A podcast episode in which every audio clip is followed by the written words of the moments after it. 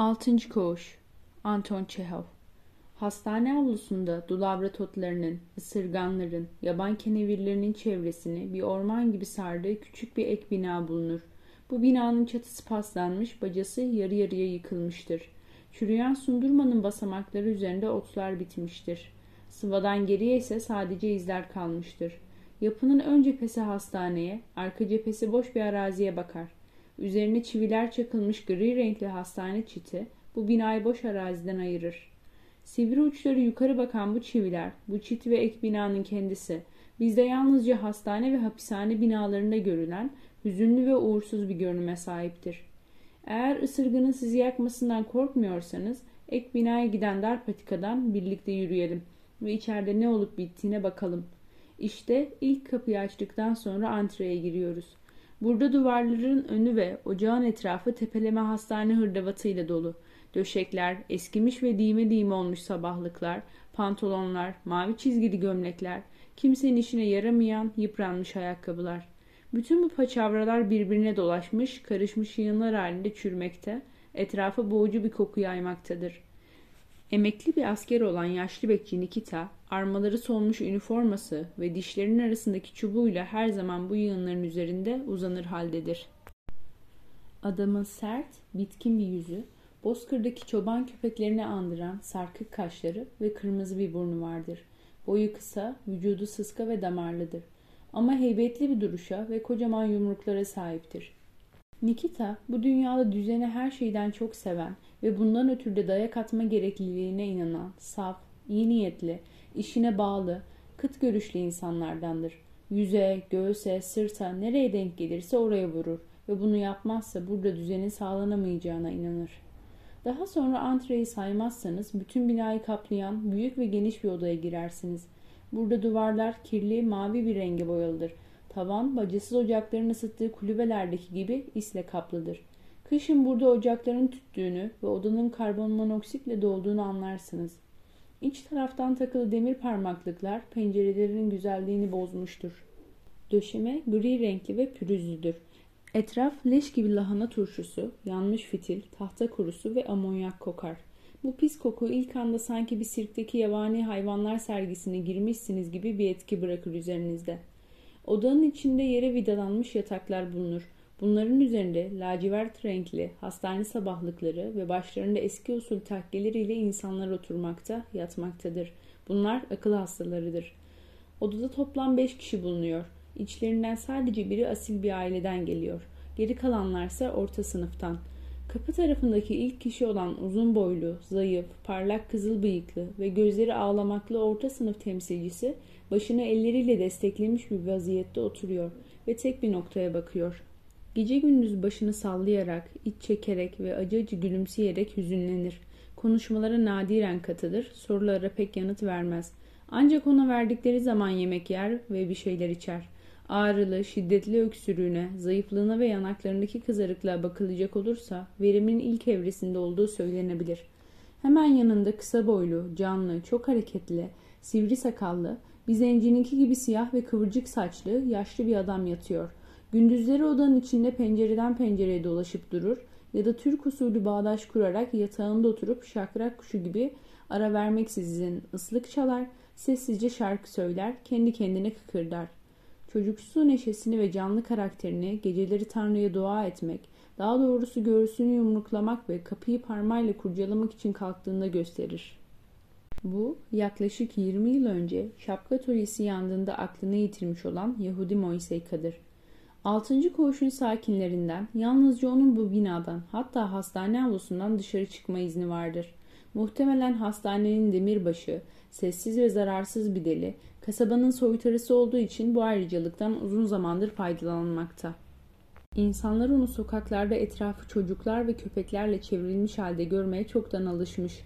Sırtında sabahlığı, başında gülünç takkesi, ayağında terlikleriyle, bazen de yalın ayak, hatta pantolonsuz sokaklarda dolaşır, kapıların ve dükkanların önünde durarak dilenir. Kimi kıvas, kimi ekmek, kimisi de bir kapik verir.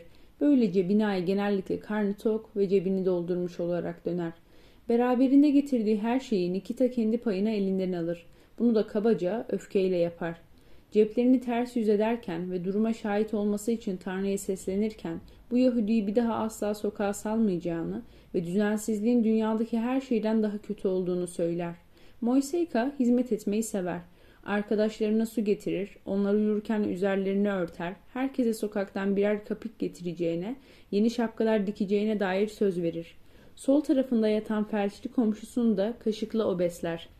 Moiseika şefkatinden ya da insani özelliğinden ötürü değil, sağ tarafında kalan komşusu Gromov'u taklit etti ve ona istençsiz boyun eğdiği için böyle davranır. 33 yaşında bir adam olan Ivan Dimitrich Gromov, soylu bir aileden eski bir icra memuru ve bölge sekreteri olarak çalışmış. Takip edilme hissinden mustarip. Ya yatağında büzülerek uzanır ya da sanki egzersiz yapıyormuş gibi bir köşeden diğerine yürür durur. Oturduğu pek seyrek görülür. Rahatsız edici ve belirsiz bir beklenti yüzünden her daim telaşlı, endişeli ve gergin bir hali vardır. Antreden gelen herhangi bir hışırtı ya da avludan duyulan bir bağırış başını doğrultularak yoksa beni mi almaya geldiler, beni mi arıyorlar diye kulak kesilmesine yeter de artar. Böyle anlarda yüzü oldukça huzursuz ve tiksinti dolu bir ifade alır. Gromov'un geniş ve elmacık kemikleri çıkık yüzü hoşuma gidiyor. Savaşmaktan ve devamlı bir korku halinde olmaktan hırpalanmış ruhunu tıpkı bir aynadaki gibi yansıtan solgun ve mutsuz bir yüzü var. Yüzünü garip ve acı çeker bir ifadeyle buruşturuyor. Ancak derin ve gerçek acının yüzüne yerleştirdiği bu ince çizgilerden mantıklı ve zeki biri olduğunu anlamak mümkün. Gözlerinde ise sıcak ve canlı bir parıltı mevcut. Gromov'u severim. Nikita dışında herkese karşı saygılı, yardıma hazır ve olağanüstü derecede naziktir. Biri bir düğmeyi ya da kaşığı yere düşürdüğünde yatağından fırlayıp kaldırır. Her sabah arkadaşlarına günaydın der, yatarken iyi geceler diler. Gromov'un sürekli gergin hali ve yüzünü buruşturmasının dışında deliliğinin başka belirtileri de mevcut. Akşamları bazen sabahlığına sarınır, tir tir titreyerek ve dişlerini takırdatarak bir köşeden diğerine yatakların arasında hızlıca yürümeye başlar. Sanki yüksek ateşi varmış gibidir. Bazen aniden durarak arkadaşlarına bakar. Çok önemli bir şey söylemek istediğini görmek mümkündür. Ancak belli ki onu dinleyemeyeceklerini ya da anlayamayacaklarını düşündüğünden sabırsızca başını sallamaya, adım atmaya devam eder. Ama çok geçmeden konuşma arzusu her türlü düşüncesini bastırır, kendini cesaretlendirerek ateşli ve tutkulu konuşmaya başlar. Konuşması düzensiz, coşkulu, hezeyan dolu, içgüdüsel ve bazen de anlaşılmazdır. Fakat hem sözlerinde hem sesinin tonunda olağanüstü güzel şeyler duyulur. Yine de konuşmaya başladığında karşınızdakinin bir deli olduğunu anlarsınız. Akıl dışı sözlerini kağıda aktarmak güçtür. İnsanların alçaklıklarından, hakikate kafa tutan zorbalıktan, zamanla yeryüzüne inecek olan güzel hayattan, zorbaların aptallığını ve acımasızlığını her dakika anımsatan pencerelerin parmaklıklarından bahseder.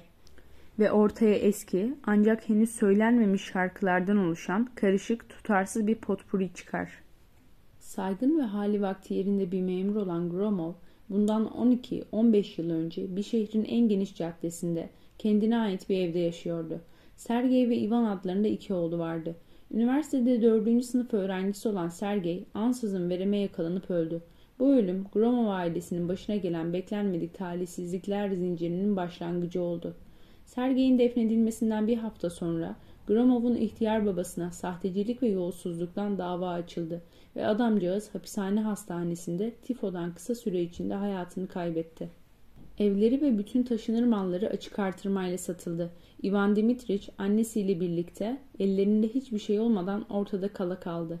Babası sağken Petersburg'da üniversite öğrenimi gören Ivan Dimitrich'in eline ayda 60-70 ruble geçer, darlık nedir bilmezdi. Şimdi ise hayatında keskin bir değişiklik yapması gerekiyordu. Sabahtan akşama kadar az bir para karşılığında dersler vermek, yazı işleriyle uğraşmak zorundaydı. Ama kazandığı bütün parayı geçirmesi için annesine gönderdiğinden açlık çekiyordu. Böyle bir hayatı kaldıramayan Ivan Dimitrich'in cesareti kırıldı, hasta düştü. Üniversiteyi bırakarak evine döndü. Bu küçük şehirde birinin kayırmasıyla bölge okulunda öğretmenlik görevi üstlendi. Ancak meslektaşlarıyla anlaşamadı, öğrencileri tarafından hoş karşılanmadı ve çok geçmeden görevini bıraktı. Annesi hayatını kaybetti. 6 ay boyunca işsiz dolaştı, sadece ekmek ve suyla beslendi. Daha sonra icra memurluğu görevine geldi. Bu görevini hastalığı yüzünden işten çıkarılana kadar yerine getirdi. Üniversitedeki öğrencilik yıllarında bile hiçbir zaman sağlıklı bir insan görünümüne sahip olmamıştı. Her zaman rengi soluk, zayıf, üşütmeye yatkındı. Az yemek yer, iyi uyku çekemezdi. Bir kadeh şarapla başı döner, isteri krizine girerdi. İnsanlara sokulmak istese de asabi yapısı ve kuruntuları yüzünden kimseyle yakınlaşamaz, arkadaş edinemezdi. Kasabalılara daima küçümseyerek bakar, kaba cahilliklerinin, uyuşuk ve hayvanca hayatlarının ona aşağılık, mide bulandırıcı geldiğini söylerdi. Yüksek ve tiz bir sesle, hararetli hararetli ama mutlaka ya hoşnutsuzluğunu ve öfkesini ya da coşku ve şaşkınlığını belli ederek hep içten konuşurdu. Onunla hangi konuda konuşursanız sözü hep aynı yeri getirirdi. Kasabada yaşamak boğucu ve sıkıcıdır. Yüksek ideallerden yoksun olan toplum, zorbalıkla, kaba bir sefahatle ve ikiyüzlülükle çeşitlendirilmiş, cansız, anlamsız bir yaşam sürdürmektedir. Namuslular kıt kanaat geçinirken, namussuzların karnı tok, sırtı pektir. Okullara, dürüst yönetimi olan yerel bir gazeteye, tiyatroya, edebi toplantılara, entelektüellerin birlik olmasına ihtiyaç vardır.'' Toplumun bilinçlenmesi, dehşete düşmesi gerekir. Dimitriç insanlar hakkında yargıda bulunurken farklı renkleri gözetmeden sadece siyah ve beyaz gibi keskin renkler kullanırdı. Ona göre insanlık namuslular ve namussuzlar olmak üzere ikiye ayrılıyordu. İkisinin arası yoktu. Kadınlardan ve aşktan daima tutkuyla, heyecanla bahsederdi. Ancak bir kez bile aşık olmamıştı. Yargılarındaki keskinliğe ve asabiyetine rağmen kasabada sevilen biriydi. Arkasından sevgiyle Vanya diye anılırdı. Doğuştan gelen kibarlığı, yardımseverliği, dürüstlüğü, temiz ahlakı, yırtık sabahlığı, hastalıklı görüntüsü ve yaşadığı ailevi talihsizlikler insanda iyi, sıcak ve hüzünlü bir duygu uyandırıyordu. Üstelik iyi eğitimli ve kültürlüydü. Kasabalılara göre her şeyi biliyordu ve adeta yürüyen bir sözlük gibiydi. Çok okuyordu. Bütün gün kulüpte otururken sakalını sinirli sinirli karıştırdığı, dergilerin ve kitapların içine gömüldüğü zamanlar olurdu. Yüzüne bakıldığında bunları okumaktan ziyade çiğnemeden yuttuğunu görmek mümkündü.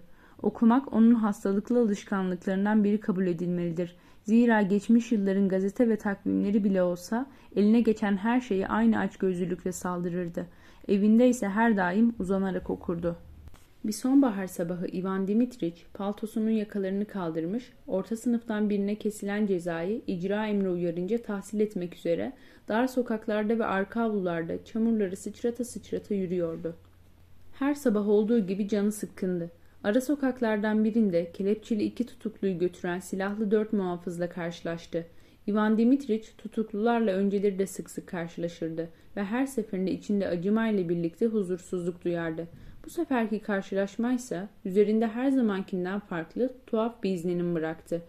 Nedense aniden onu da kelepçeleyebileceklerini ve aynı bunlar gibi çamurun içinden sürükleyerek hapishaneye götürebileceklerini düşündü. İşini bitirdikten sonra evine dönerken postanenin yanında selamlaştığı ve sokak boyunca birlikte birkaç adım yürüdüğü tanıdık bir polis memuruyla karşılaştı. Nedense bu durumda Gromov'u şüpheye düşürdü. Evindeyken tutuklular ve silahlı askerler bütün gün aklından çıkmadı. Anlam veremediği bir huzursuzluk hali okumasına ve odaklanmasına engel oluyordu. Akşamleyin evin ışığını yakmadı, gece boyu uyumadı ve onu tutuklayabileceklerini, kelepçeleyip hapishaneye götürebileceklerini düşündü durdu. Şimdiye kadar hiç suç işlemediğini biliyordu ve gelecekte de kimseyi öldürmeyeceğinin, bir yeri kundaklamayacağının ya da bir şeyi çalmayacağının garantisini verebilirdi. Ancak kazara ve gayri iradi suç işlemek gerçekten zor muydu? Bir karalamaya maruz kalmak ya da adli bir hatanın kurbanı olmak gerçekten mümkün değil miydi? Asırlık halk deneyiminin de öğrettiği gibi asla dilenci olmam, hapise düşmem demeyeceksin. Günümüz yargı süreçlerinde adli hatalar kolaylıkla yapılabilmektedir. Resmi görevleri ya da işleri itibarıyla başkalarının acılarıyla ilgilenmek zorunda olan hakimler, polisler ve doktorlar zaman içerisinde bu duruma alıştıkları ve bir o kadar hissizleştikleri için çok isteseler de muhataplarının resmiyet sınırlarının dışında davranamazlar. Bu bakımdan onların arka avlularda koyunları ve danaları kesip de akan kanın farkına varmayan köylülerden hiç farkları yoktur. Suçsuz bir insanı bütün özel haklarından mahrum bırakarak kürek cezasına mahkum etmek için bireyle resmi ve acımasız ilişkisinde hakimin sadece bir şeye ihtiyacı vardır. O da zamandır. Karşılığı maaş olan bir takım resmi görevleri yerine getirecek kadar zaman. Karar verildikten sonra her şey biter. Ondan sonra demir yolunda 200 verst uzaklıktaki bu küçük ve çamurlu kasabada adalet ve korunma aradır. Dipnot verst. 1066 metreye karşılık gelen bir Rus uzunluk ölçüsü birimi. Her türlü zorbalığın toplum tarafından makul ve yerinde bir gereklilik olarak karşılandığı, beraat kararı gibi her türlü merhamet göstergesinin toplumda tatminsizlik ve intikam duyguları uyandırdığı bir dünyada adaleti düşünmek gülünç değil midir? Sabah olunca Ivan Dimitriç alnında soğuk terle ve dehşet içinde yatağından kalktı. Her an onu tutuklayabileceklerinden oldukça emindi. Eğer dün akşamki ağır düşünceler onu bu kadar uzun süre terk etmediyse diye düşünüyordu. Demek ki bu düşüncelerde haklılık payı vardı. Bu düşünceler gerçekten de durduk yere aklına gelmiş olamazdı ya. Bir polis ağır adımlarla pencerenin kenarından geçiyordu. Bu da boşuna olamazdı. İşte iki kişi evin dibinde sessizce duruyorlardı. Neden konuşmuyorlardı acaba? O günden sonra Ivan Dimitriç için azap dolu günler ve geceler başladı. Pencerenin önünden geçen, avluya giren herkes casus ya da gizli polis olarak görünüyordu gözüne. Emniyet müdürü alışıldığı üzere gün ortasında emniyet müdürlüğüne gitmek üzere civardaki malikanesinden çıkar, çift atlı arabasıyla sokaktan geçerdi. Ancak her seferinde Ivan Dimitriç arabanın gereğinden fazla hızlı gittiğini düşünür, emniyet müdürünün yüzünde belirgin bir ifade görürdü. Ivan Dimitriç'e göre emniyet müdürü belli ki kasabada ortaya çıkan çok önemli bir suçluyu haber vermek için acele ediyordu. Kapısının zili her çaldığında ya da kapısına vurduklarında Ivan Dimitriç irkiliyor, ev sahibesinin yanında tanımadığı birini görünce acı çekiyordu. Polis ve jandarmayla olan her karşılaşmasında ilgilenmiyormuş gibi gözükmek için gülümsüyor, ıslık çalmaya başlıyordu. Tutuklanmayı beklediği için gece boyu uyumuyor ancak ev sahibine uyuyor gözükebilmek için yüksek sesle horluyor ve iç çekiyordu. Ve uyumuyorsa eğer vicdan azabı çekiyor demekti. Al sana kanıt. Gerçekler ve mantığı bütün bu korkuların saçma ve akıl hastalığı ürünü olduğuna, konuyu daha geniş açıdan bakmak gerekirse, vicdanı rahat olduktan sonra tutuklanmada ve hapishanede korkulacak hiçbir şeyin olmadığına onu inandırıyordu. Ancak konuyu ne kadar akıllıca ve mantığa uygun muhakeme ederse içindeki huzursuzluk bir o kadar artıyor, çekilmez bir hal alıyordu. Bu durum bakir bir ormanda kendine yer açmaya çalışan bir münzevinin baltasını ne kadar gayretle sallarsa sallasın ormanın bir o kadar gürleşmesine ve çoğalmasına benziyordu. Sonunda Ivan Dimitriç akıl yürütmenin ne kadar faydasız olduğunu görerek kendini tamamen çaresizliğe ve korkuya kaptırdı inzivaya çekilmeye ve insanlardan kaçmaya başladı. Görevini önceden de itici buluyordu, şimdi daha da katlanılamaz hale gelmişti. Bir şekilde arkasından iş çevireceklerinden, cebine fark ettirmeden rüşvet koyacaklarından ve böylece onu suçlu düşüreceklerinden ya da resmi evrakla dikkatsizce hata yapacağından ki bu da sahteciliğe eş değerdi ya da başkasına ait parayı kaybedeceğinden korkuyordu. Gariptir ki düşünceleri hiçbir zaman özgürlüğü ve şerifi adına ciddi ciddi korkması için bin bir çeşit bahane üretebildiği bugünkü kadar çok yönlü ve yaratıcı olmamıştı. Başta kitaplar olmak üzere dış dünyaya olan ilgisi önemli derecede azalmış, hafızasını iyiden iyiye yitirmeye başlamıştı. Baharda karlar eridiği vakit mezarlığın yakındaki bir hendekte yarı çürümüş iki ceset bulundu. Yaşlı bir kadına ve bir erkek çocuğuna ait cesetlerde zor kullanılarak öldürüldüklerine dair belirtiler vardı. Kasabada sadece bu cesetler ve bilinmeyen katiller hakkında konuşuluyordu. Cinayeti onun işlediğini düşünmemeleri için Ivan Dimitriç sokaklarda gülümseyerek dolaşmaya başladı. Tanıdıkları rastladığında ise rengi soluyor, yüzü kızarıyor, güçsüzleri ve korumasızları öldürmekten daha adi bir suçun olamayacağını anlatmaya çalışıyordu. Ancak bu yalandan davranışlar çabucak onu yordu. Bir süre düşündükten sonra içinde bulunduğu konum açısından en doğru olanın ev sahibesinin bodrumunda saklanmak olduğuna karar verdi. Bütün gün, bütün gece ve ertesi gün boyunca bodrumda oturdu. Epey üşüdü. Havanın kararmasını bekledikten sonra bir hırsız gibi gizlice odasına gitti. Hava aydınlanana kadar odanın ortasında hareket etmeden dikildi ve etrafa kulak kabarttı. Ancak güneşin doğuşuna yakın ev sahibesine fırın ustaları geldi. Ivan Dimitriç, ustaların mutfağı fırını yeniden kurmak üzere geldiklerini çok iyi biliyordu. Ama korkusu yüzünden bunların fırıncı kılığına girmiş polisler olduğuna inandı. Sessizce daireden çıktı, tepeden tırnağa korkuya kesmiş bir halde şapkasız ve ceketsiz sokakta koşmaya başladı. Ardından köpekler havlayarak geliyor, geride bir yerlerde köylünün biri bağırıyor, rüzgar kulaklarında uğulduyor. Ivan Dimitriç ise bütün dünya zulmünün sırtına bindiğini ve onu kovaladığını düşünüyordu. Yakalanıp eve getirildi ve doktoru çağırması için ev sahibesi gönderildi. İleride de sözünü edeceğimiz Doktor Andrei Yefimich başına soğuk kompres uygulanmasını söyledi. Kullanması için taflan suyu yazdı. Başını üzüntüyle salladı ve ev sahibesine bir daha gelmeyeceğini, çünkü insanların akıllarını yitirmesine engel olmanın uygun olmayacağını söyleyerek gitti.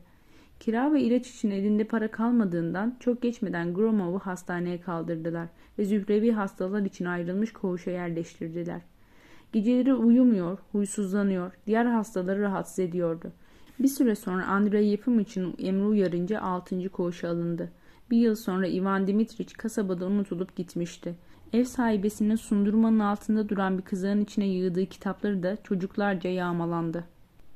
Daha önce de söylediğim gibi Ivan Dimitrich'in sol tarafında Yahudi Moiseyka, sağında ise semirmekten neredeyse yüz yuvarlak olmuş, tamamen ifadesiz bir yüze sahip bön bakışlı bir köylü yatıyordu. Düşünme ve hissetme yeteneğini çoktan kaybetmiş, hareketsiz, boğazına düşkün pis bir yaratıktı bu adam. Etrafa sürekli keskin ve boğucu bir koku yayıyordu. Adamın arkasını toplayan Nikita onu çok fena dövüyor, döverken de yumruklarını hiç esirgemiyordu. Burada korkunç olan şey onun dövülmesi değil, buna alışmak mümkündü. Bu aptal hayvanın dayak yerken sesini çıkarmaması, karşılık vermemesi, gözünü bile kırpmaması, sadece ağır bir fıçı gibi hafifçe sağa sola sallanmasıydı. Altıncı koğuşun beşinci ve sonuncu sakini, bir zamanlar postanede tasnifçi olarak çalışan kısa boylu, cılız, iyi ama biraz kurnaz yüzlü, sarışın bir orta sınıf mensubuydu. Duru ve neşeli bakan zeki berrak gözlerinden aklının hala yerinde olduğu anlaşılıyordu ve çok önemli, hoş bir sırra sahipti. Yastığının ve şiltesinin altında kimseye göstermediği bir şey saklıyordu. Bunun nedeni elinden alınacağı ya da çalınacağı korkusu değil, utangaçlığıydı. Bazen pencereye yanaşır, sırtını arkadaşlarına dönerek göğsünün üzerine bir şey geçirir, kafasını eğerek giydiği şeye bakardı. Bu sırada eğer biri yanına yanaşacak olursa huzuru kaçar, göğsünün üzerine geçirdiği şeyi çekip çıkarırdı. Yine de sırrını tahmin etmek zor değildi. Sık sık Ivan Dimitriç'e tebrik edin beni derdi. Şahsıma ikinci derece yıldızı Stanislav nişanı takdim edildi. İkinci derece yıldızı nişan sadece yabancılara veriliyor. Ancak benim için nedense bir ayrıcalık yapmak istemişler. Şaşkınlıkla omuzlarını silkerek gülümserdi.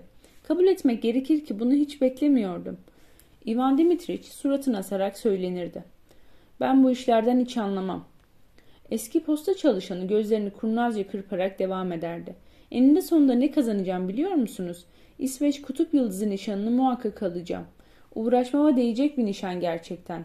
Beyaz haç üzerine siyah kurdele. Gerçekten de çok güzel. Hiçbir yerde hayat muhtemelen bu ek binada olduğu kadar tek düze değildir. Felçli adam ve şişman köylü dışında herkes sabah vakti kalkar, girişteki büyük teknede temizlenir, sonra da sabahlıklarının kenarıyla kurulanır. Daha sonra Nikita'nın ana binadan getirdiği kalaylı maşrapalarda çay ikram edilir. Herkesin tek bir maşrapa hakkı vardır. Öğlen lahana turşusu çorbası ve lapa yenir. Akşamsa öğle yemeğinden arta kalan lapa tekrar yenir. Aradaki zamanlarda uzanırlar, uyurlar, pencereden dışarı bakarlar ve bir köşeden diğerine yürüyüp dururlar. İşte burada her gün böyle geçer. Eski postane çalışanı bile sürekli aynı şeylerden, aynı nişanlardan söz edip durur. Altıncı koğuşta yeni birileri nadiren görülür. Doktor uzun süredir yeni akıl hastası kabul etmiyor. Yeryüzünde tımarhane ziyaret etmeyi seven de pek bulunmuyor. Binaya ancak iki ayda bir Berber Semyon Lazariç geliyor. Berberin delileri nasıl tıraş ettiğinden, Nikita'nın ona nasıl yardım ettiğinden, bu gülümseyen sarhoş berberin her ortaya çıkışında hastaların yaşadığı kafa karışıklığından şimdi söz etmeyeceğiz. Berberden başka kimsenin bu binaya uğradığı yoktur. Hastaların kaderinde her gün yalnız Nikita'yı görmek var. Bu arada hastanede bir süredir tuhaf bir haber dolaşmaya başladı.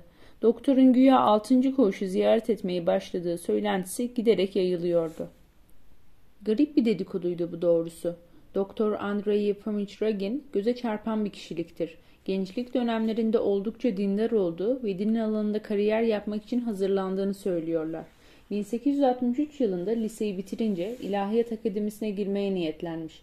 Ancak tıp doktoru ve cerrah olan babası güya sert bir üslupla oğluyla alay ederek eğer papazların yolunu tutarsa onu evlatlıktan reddedeceğini kesin bir dille beyan etmiş. Bu ne kadar doğru bilmiyorum. Ancak Andrei Yefimich tıbbı ve genel olarak doğa bilimlerine hiçbir zaman eğilimi olmadığını pek çok kez itiraf etmiştir. Yine de tıp fakültesini bitirdikten sonra papaz olmadı. Gerçi dindar bir tarafı yoktu ve doktorluk kariyerinin başında da şimdiki gibi dindar değildi. Ağır, kaba ve köylü bir görünüşü vardı. Yüzü, sakalı, düz saçları ve güçlü, hantal vücudu geniş bir yolun kenarında han işleten, semirmiş, ölçüsüz ve sert bir hancıyı andırıyordu. Mavi damarlarla kaplı sert bir yüzü, küçük gözleri ve kırmızı bir burnu vardı. Boyu uzun, omuzları geniş, elleri ve ayakları kocamandı. Bir yumrukta insanın canını alabilirdi. Buna rağmen doktor sessizce yürürdü, adımları ihtiyatlı ve çalımlıydı. Daracık bir koridorda onunla karşılaştığınız zaman yol vermek için her daim durur, ondan beklendiğinin aksine kalın bir sesle değil de ince, yumuşak tenor bir sesle kusuruma bakmayın derdi. Boynunda sert kolalı yakalar takmasına engel olan ufak bir şişlik vardı. Bu yüzden sürekli yumuşak keten bezinden ya da pamuklu kumaştan gömlekle dolaşıyordu. Aslına bakacak olursanız giyim kuşamı bir doktoru andırmıyordu. Aynı kıyafeti 10 yıl üzerinden çıkarmazdı. Genellikle bir Yahudi dükkanından aldığı yeni kıyafeti bile eskisi gibi yırtık pırtık ve buruşmuş gözükürdü. Aynı redingotla hem hastaları kabul eder, hem öğle yemeği yer, hem de misafirliğe giderdi. Ancak bunun sebebi cimriliği değil, dış görünüşüne duyduğu mutlak ilgisizlikti. Andrei Yefimich göreve başlamak üzere kasabaya geldiğinde bu hayır kurumunun vaziyeti oldukça içler acısıydı. Odalarda, koridorlarda ve hastane avlusunda kötü koku yüzünden nefes almak bile zordu. Hastane görevlileri, hasta bakıcılar ve onların çocukları odalarda hastalarla beraber uyuyorlardı. İnsanları canından bezdiren hamam böceklerinden, tahta kurularından ve farelerden şikayet ediliyordu. Cerrahi bölümünde yılancık vakalarından geçilmiyordu. Bütün hastanede sadece iki neşter bulunuyordu, tek bir termometre yoktu. Banyolarda patates depoluyorlardı. İdare amiri, başhemşire ve sağlık memuru hastaları soyup soğana çeviriyordu. Andrei Yefimich'ten önce gelen eski doktor hakkında da söylentiler yok değildi. Güya o da hastanenin ispirtosunu gizlice satıyor, hasta bakıcılar ve hasta kadınlar arasından gözüne kestirdiklerini haremine alıyordu. Bütün bu düzensizlikler kasabada çok iyi biliniyor, hatta abartılıyor. Ancak yine de olup bitenler normal karşılanıyordu.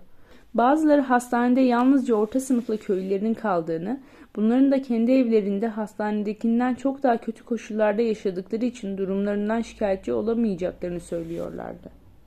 Dağ tavuğuyla beslenecek halleri yoktu ya, bazıları da Zemstova'nın yardımı olmadan zaten hiçbir kasabada iyi bir hastane inşa edilemeyeceğini, kötü de olsa bir hastaneleri olduğu için şükretmeleri gerektiğini söyleyerek diğerlerinin görüşüne destek çıkıyordu. Dipnot Zemstovo Çarlık Rusyası'nda kırsal alanlarda kurulan yerel yönetim organı. Andrei Yefimich hastaneyi inceledikten sonra buranın ahlaksız bir kurum olduğu, insan sağlığı için yüksek derecede tehlike arz ettiği sonucuna vardı. Doktorun düşüncesine göre yapılacak en mantıklı şey hastaları salı vermek, hastaneyi de kapatmaktı. Ancak bu bir tek onun isteğiyle olacak şey değildi. Ayrıca bunu yapmanın da kimseye bir faydası dokunmazdı.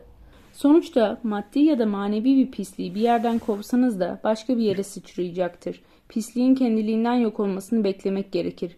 Üstelik hastaneyi açan insanlar bir şeyleri tahammül ediyorsa hastaneye ihtiyaçları var demektir. Ön yargılar, gündelik yaşantımızdaki bütün bu pislik ve iğrençlikler gereklidir. Çünkü bunlar gübrenin kara toprağa dönüşmesi gibi zamanla faydalı bir şeye dönüşür. Kökeninde pislik barındırmayan iyi bir şey dünya üzerinde bugüne kadar görülmemiştir. Andrei Yefimich görevi kabul ettikten sonra hastanede hüküm süren düzensizliğe karşı oldukça kayıtsız kaldı. Yalnızca hastane görevlileri ve hasta bakıcıların koğuşlarda gecelememelerini rica etti. Alet dolu iki dolap getirtti. İdare amiri, başhemşire, sağlık memuru ve cerrahi odalarındaki yılancık vakaları ise olduğu gibi kaldı. Andrei Yefimich akla ve doğruluğa aşırı değer verirdi. Ancak etrafında akıl ve dürüstlükle dolu bir hayat inşa edebilmesi için yeteri kadar güçlü bir karaktere ve inancı sahip değildi. Emir buyurmayı, yasak koymayı, mecbur bırakmayı kesinlikle bilmezdi.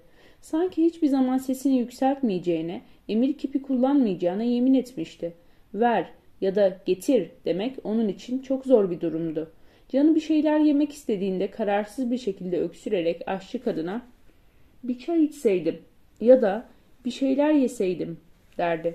İdare amirine çalmayı bırakmasını söylemeye, onu kapı dışarı etmeye ya da bu gereksiz asalak makamı toptan ortadan kaldırmaya da kesinlikle gücü yetmezdi. Onu aldattıklarında, pohpohladıklarında ya da kasten şişirilmiş rezil faturaları imzalaması için önüne getirdiklerinde Andrei Yefimich ıstakoz gibi kızarır, kendini suçlu hisseder ama yine de faturalara imzasını atardı. Hastalar açlıktan ya da kaba hasta bakıcılardan şikayetçi oldukları zamanlar utanıp sıkılır. Peki peki sonra ilgilenirim. Muhtemelen burada bir yanlış anlaşılma olmuş diye mırıldanırdı. İlk zamanlar Andrei Yefimich canla başlı çalışıyordu. Sabahtan öğlene kadar hastaları kabul eder, ameliyatlara girer, hatta doğum bile yaptırırdı. Kadınlar doktorun dikkatli biri olduğunu, özellikle çocuk ve kadın hastalıklarını kusursuz bir şekilde teşhis ettiğini söylüyorlardı. Ancak zaman geçtikçe yaptığı işin tek düzeliği, açıkça kimseye faydasının dokunmaması iyi de ne iyiye canını sıkmaya başlamıştı.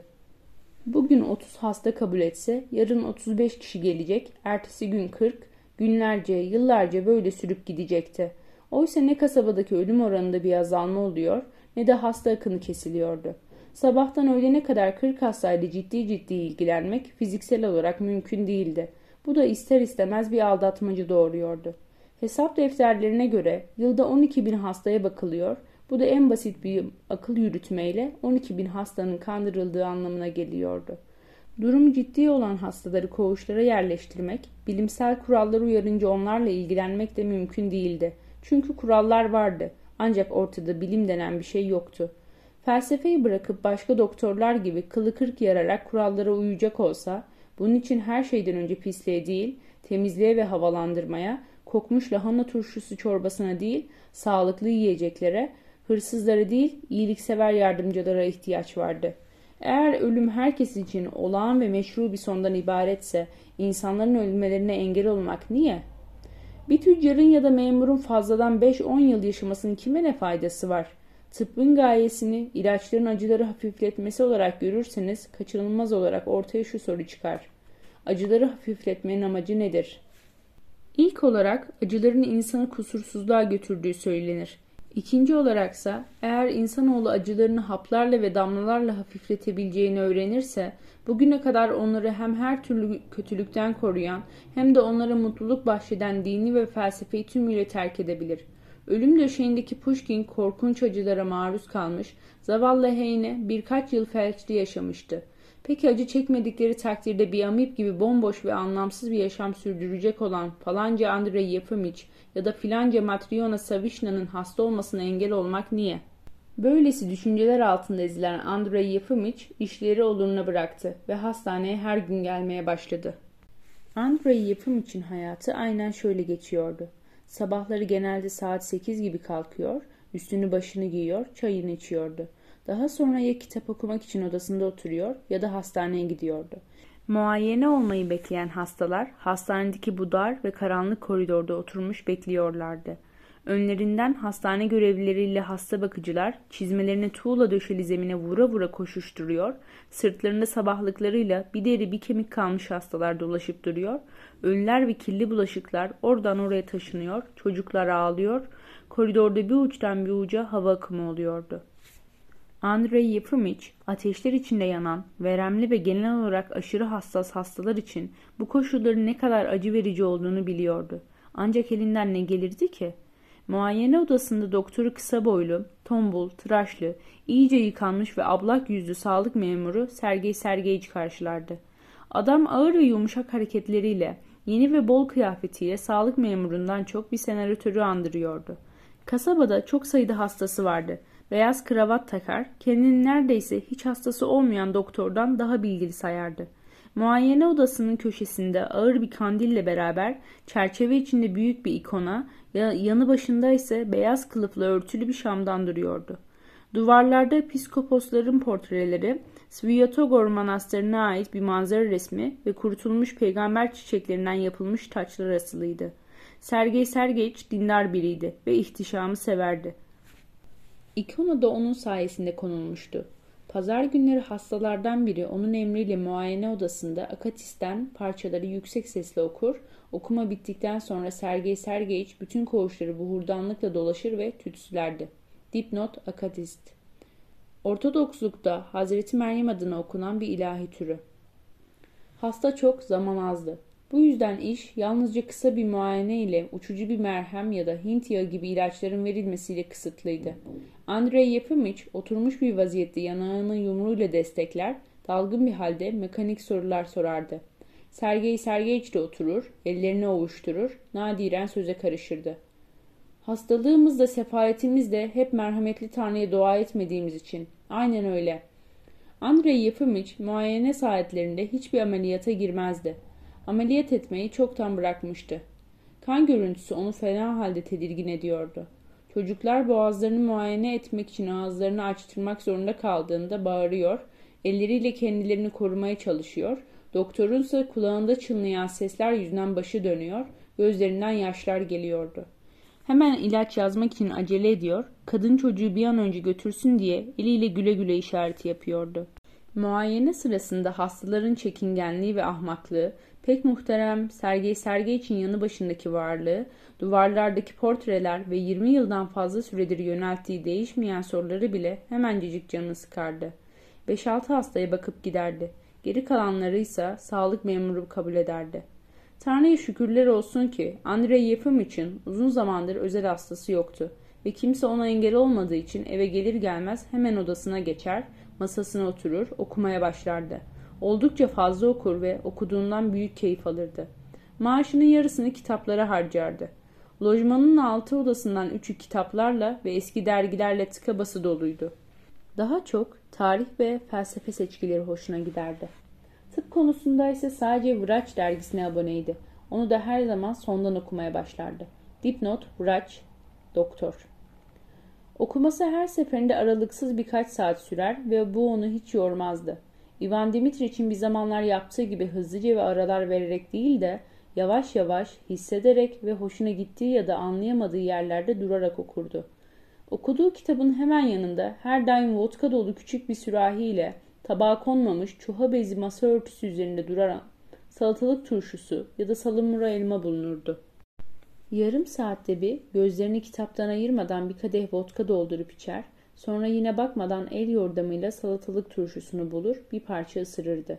Saat üç olunca dikkatlice mutfak kapısına doğru yaklaşır ve öksürerek şöyle derdi. Daryuşka, yemek yeseydim. Tadı oldukça kötü ve pek temiz sunulmayan yemekten sonra Andrei Yefimiç odaların arasında dolaşır, ellerini göğsünde birleştirerek düşünürdü.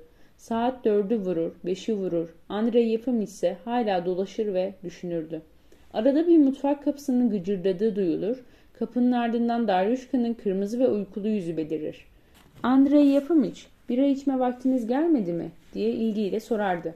Hayır, henüz gelmedi. Biraz daha bekleyeceğim. Akşama doğru genellikle Andrei yapım için arkadaşlığından sıkılmadığı kasabadaki tek insan olan postane müdürü Mihail Averyaniç ziyarete gelirdi. Mihail Averyaniç bir zamanlar çok zengin bir derebeyiydi ve süvari olarak görev yapmıştı. Ancak iflas edince ihtiyaçların ötürü bu yaşlı haliyle posta hizmetinde iş bulmuştu. Hayat dolu, sağlıklı bir görünüşü, gösterişli, ağarmış favorileri, kibar hareketleri ve güçlü, hoş bir sesi vardı.'' İyi yürekli ve hassas biriydi ama çabuk öfkeye kapılırdı. Postaneyi ziyaret edenlerden herhangi biri bir şeye itiraz etti, aynı fikirde olmadı ya da yalnızca kendi düşüncesini ileri sürdüğü zamanlarda Mihail Averyaniç kızarır, bütün bedeni titremeye başlar ve gürleyen sesiyle kes sesini diye bağırırdı. Bu yüzden postane çoktandır korkutucu bir kurum olarak ün salmıştı. Mihail Averyaniç, Andrei Yefimiç'e hürmet eder, Eğitimli olması ve ruhunun asaletinden dolayı onu severdi. Kasabanın diğer sakinlerine ise kendi mahiyetindekilermiş gibi tepeden bakardı. Andrei yapım için evine girerken Mihail Averyaniç ben geldim diye seslenirdi. Merhaba sevgili Andrei sizi de bıktırdım değil mi? Doktor tam aksine diye cevap verirdi. Sizi gördüğüm için her daim memnunum. İki arkadaş odadaki kanepenin üzerine oturur bir süre hiç konuşmadan sigara içerlerdi. Andrei Yefimiç, Daryuşka bir bira içsek derdi. İlk şişeyi de hiç konuşmadan içerlerdi. Doktor düşünceli, Mihail Averyan ise anlatacak oldukça ilginç bir şeyi olan, neşeli, heyecanlı biri gibi görünürdü. Konuşmayı her zaman doktor başlatırdı. Başını sallayarak ve karşısındakinin gözlerine bakmadan Parantez içinde konuşurken hiçbir zaman karşısındakinin gözlerine bakmazdı. Ağır ağır ve alçak bir sesle şöyle derdi. Kasabamızda şöyle akıllıca, ilgi çekici şeylerden söz etmeyi bilen ve seven hiç kimsenin olmaması ne kadar da kötü saygıdeğer Mihail Averyaniç. Bu bizim için çok büyük bir kayıp. Aydın kesim bile bayağılıktan öteye geçemiyor. Gelişme seviyeleri sizi temin ederim ki aşağı tabakadan üstün değil. Tamamen doğru, size katılıyorum. Doktor sakince ve ara vere vere konuşmasına devam ederdi. Siz de çok iyi bilirsiniz ki bu dünyada insan aklının yüksek manevi dışa vurumu dışındaki her şey önemsiz ve sıkıcıdır. Akıl, hayvanlar ve insanlar arasında keskin bir sınır çizer. İnsandaki ilahi yöne ışık tutar, hatta bir dereceye kadar gerçekte var olmayan ölümsüzlüğün yerini tutar. Buradan yola çıkarak şunu söyleyebilirim ki akıl, elimizde olan yegane zevk kaynağıdır. Etrafımızda akla dair hiçbir şey görmüyor, duymuyor, bu da zevkten mahrum olduğumuz anlamına geliyor. Gerçi elimizin altında kitaplar var ama bu canlı bir sohbetin, karşılıklı ilişkinin yerini tutmuyor. Çok da doğru olmayan bir kıyaslama yapmama müsaade edecek olursanız, bence kitaplar notaya, sohbetse şarkı söylemeye benziyor. Tamamen doğru. Sonra kısa bir sessizlik olurdu. Mutfaktan çıkan Daryuşka donuk ve kederli bir yüz ifadesiyle yumruğunu yüzüne dayamış, konuşulanları dinlemek üzere kapıda dururdu. Mihail Averyaniç iç çeker, ah şimdiki nesilden akıl mı beklenir diye söylenirdi ve önceleri nasıl sağlıklı, neşe dolu, ilgi çekici bir yaşam sürdürdüklerini, Rusya'da ne kadar zeki bir aydın sınıfın bulunduğunu ve bu sınıfın dürüstlük ve dostluk kavramlarına ne büyük değer verdiğini anlatmaya koyulurdu. O zamanlar senetsiz borç para verilir, darda olan bir dosta yardım eli uzatmamak ayıp sayılırmış. Ne seferler, ne maceralar, ne çatışmalar yaşanırmış. Ne arkadaşlar, ne kadınlar varmış. Hele Kafkasya, ne muazzam bir ülkeymiş. Orada bir tabur kumandasının karısı varmış ki tuhaf biriymiş. Akşamları subay kıyafetleri giyer, kılavuzsuz bir başına dağlara çıkarmış. Anlatılanlara bakılırsa kadının oradaki bir köy ağasıyla gönül macerası varmış. Daryuşka iç çekerdi. Kutsal Meryem anamız. Ve nasıl içilir, nasıl yemekler yenirdi. Ne gözü kara liberaller vardı. Andrei Yapımiç söylenenleri dinliyor ancak duymuyordu. Birasını yudumlarken aklından başka şeyler geçiyordu. Sonra beklenmedik bir şekilde Mihail Averyan için sözünü keserek anlatmaya koyulurdu. Düşlerimde sık sık zeki insanlarla sohbet ederken görüyorum kendimi. Babamdan muazzam bir eğitim aldım. Ama 60'lı yılların düşüncelerinin etkisi altında olduğundan beni doktor olmam için zorladı. Bana öyle geliyor ki eğer o zamanlar sözünü dinlememiş olsaydım şu an düşünsel hareketin tam ortasında olurdum. Belki de herhangi bir fakültenin üyesi olurdum. Elbet akıl da sonsuz değil, gelip geçicidir. Ancak akla beslediğim bu düşkünlüğümün nedenini siz de bilirsiniz. Hayat can sıkıcı bir tuzaktır. Düşünen bir insan olgunluğa eriştiğinde ve tam bir bilinç kazandığında kendini istençsiz olarak sanki çıkışı olmayan bir tuzağın içindeymiş gibi hisseder. Aslında insan iradesi dışında bir takım tesadüfler tarafından yokluktan var olmuştur. Peki neden? Varlığının anlamını ve amacını öğrenmek ister, sorularına cevap alamaz ya da saçma sapan cevaplar alır. Kapıyı çalar ama açan kimse olmaz. Ölüm de aynı şekilde iradesi dışında karşılar insanı. İşte tıpkı bir hapishanede ortak bir felaketle birbirine bağlı olan insanlar bir arada olduklarında kendilerini nasıl daha rahat hissederlerse, hayatta da analiz etmeye ve sentezlemeye yatkın olan insanlar bir araya geldiklerinde, onurlu ve özgür düşüncelerini birbirlerine aktararak vakit geçirdiklerinde bu tuzağın farkına varmazlar. Bu bakımdan akıl yeri doldurulamaz bir zevk kaynağıdır. Tamamen doğru. Andrei Yefimiç karşısındakinin gözlerine bakmadan sakince, ara vere vere zeki insanlardan, onlarla yapılan sohbetlerden konuşmaya devam ederdi. Mihail Averyan ise onu dikkatlice bir şekilde dinler, her söylediğine tamamen doğru diyerek aynı fikirde olduğunu belirtirdi. Peki ruhun ölümsüzlüğüne inanır mısınız diye aniden sorardı postane müdürü. Hayır sayın Mihail Averyaniç, inanmam ve inanmak için de bir sebebim yok açıkçası. İtiraf etmeliyim ki bu konuda benim de şüphelerim var. Ancak yeri gelmişken söylemeliyim ki içimde sanki hiç ölmeyecekmişim gibi bir his var. Bazen kendi kendime ölme vaktin geldi artık yaşlı herif diye düşünürüm. Ama içimden gelen bir ses inanma ona ölmeyeceksin sen der. Saat dokuz olunca Mihail Averyaniç ayrılmak üzere kalkardı. Antrede kürk ceketini giyerken iç çekerek şöyle derdi. Kader de bizi ne yaban yere atmış. En sıkıcı yanı da burada ölecek olmamız. Çok yazık. Dostunu geçirdikten sonra Andrei Yefimiç masasına oturur yeniden okumaya başlardı. Akşamın ve sonrasında gecenin sessizliğinde tek bir ses işitilmezdi. Sanki zamanda kitabına gömülmüş doktorla beraber dururdu. Bu kitap ve yeşil abajurlu lamba dışında hiçbir şey yoktu sanki. Doktorun kaba ve köylüyü andıran yüzü, insan aklının ilerleyişi karşısında derin duygular ve zevk dolu bir gülümsemeyle giderek aydınlanıyordu. İnsan neden ölümsüz değil diye düşünüyordu. Beynin merkezi ve kıvrımları, görme ve konuşma kabiliyeti, bu sağlık ve deha, bütün bunlar toprağa karışarak eninde sonunda yer kabuğuyla birlikte soğumaya ve sonrasında dünya ile birlikte güneşin etrafında milyonlarca yıl anlamsızca ve amaçsızca dönmeye mahkumsa neye yarar? Toprağın altında soğuyacak ve dünya ile birlikte dönecekse insanı bu yüksek, neredeyse tanrısal aklıyla yoktan var etmeye ve sanki alay edercesine tekrar çamura dönüştürmeye hiç gerek yok. Maddenin dönüşümü, ölümsüzlüğün karşısında bu ucuz bahaneyle teselli olmak ne büyük korkaklık. Bilincin dışında doğada meydana gelen bu süreçler insanın aptallığından daha aşağıdır. Çünkü aptallıkta bile bir bilinç ve irade mevcuttur. Süreçlerde ise buna eşdeğer bir şey yoktur.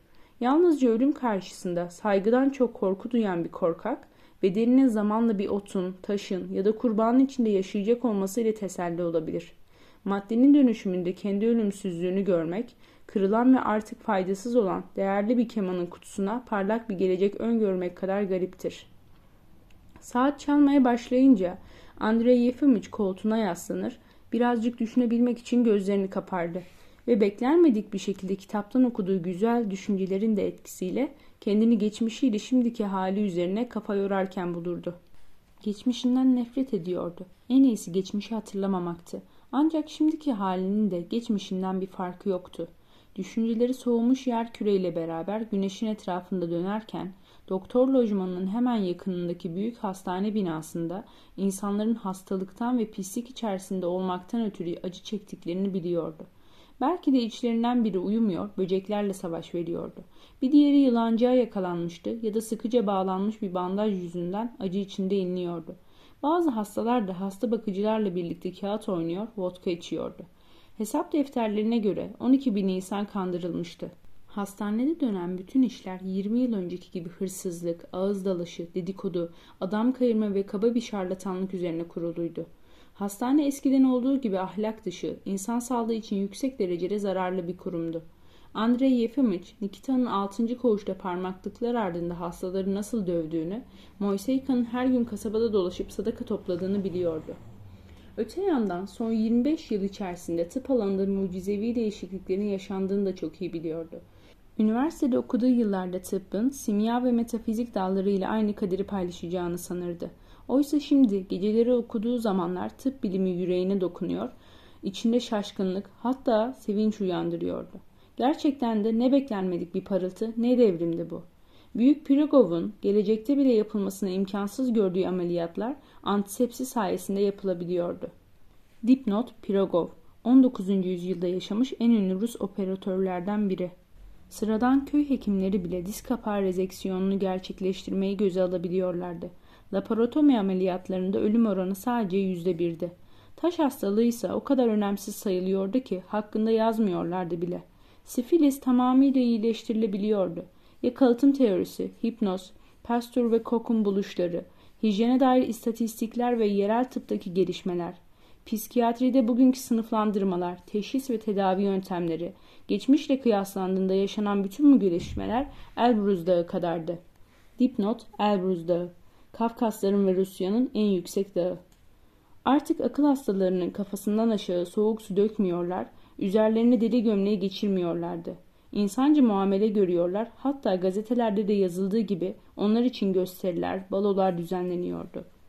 Andrei Yefimiç 6. koğuş gibi tiksinç bir yerin bugünkü görüş ve zevklere göre ancak orta sınıf belediye başkanı ve meclis üyelerinin yarım yamalak okuma yazma bildiği, ağızlarından içeri eritilmiş kalay dökse bile doktora gözü kapalı güvenilmesi gereken bir keşiş olarak bakıldı. Demir yolundan 200 verst ötede bir kasabada var olabileceğini biliyordu. Başka bir yerde olsaydı halk ve gazeteler bu küçük Bastil hapishanesini paramparça ederlerdi. Andrei Yefimiç gözlerini açarak ne var ki bunda diye sorardı kendi kendine. Ne çıkar ki bu durumdan? Evet antisepsi var, kok ve pastürün buluşları var. Ancak işin özü değişmedi ki. Hastalıklara yakalanma ve ölüm oranları hala aynı.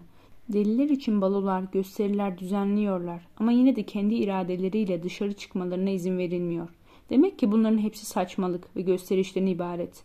En iyi Viyana kliniği ve benim hastanem arasında öz itibariyle bir fark yok. Ancak keder ve kıskançlığa benzer bir duygu bütün bunları kayıtsız kalmasına engel oluyordu.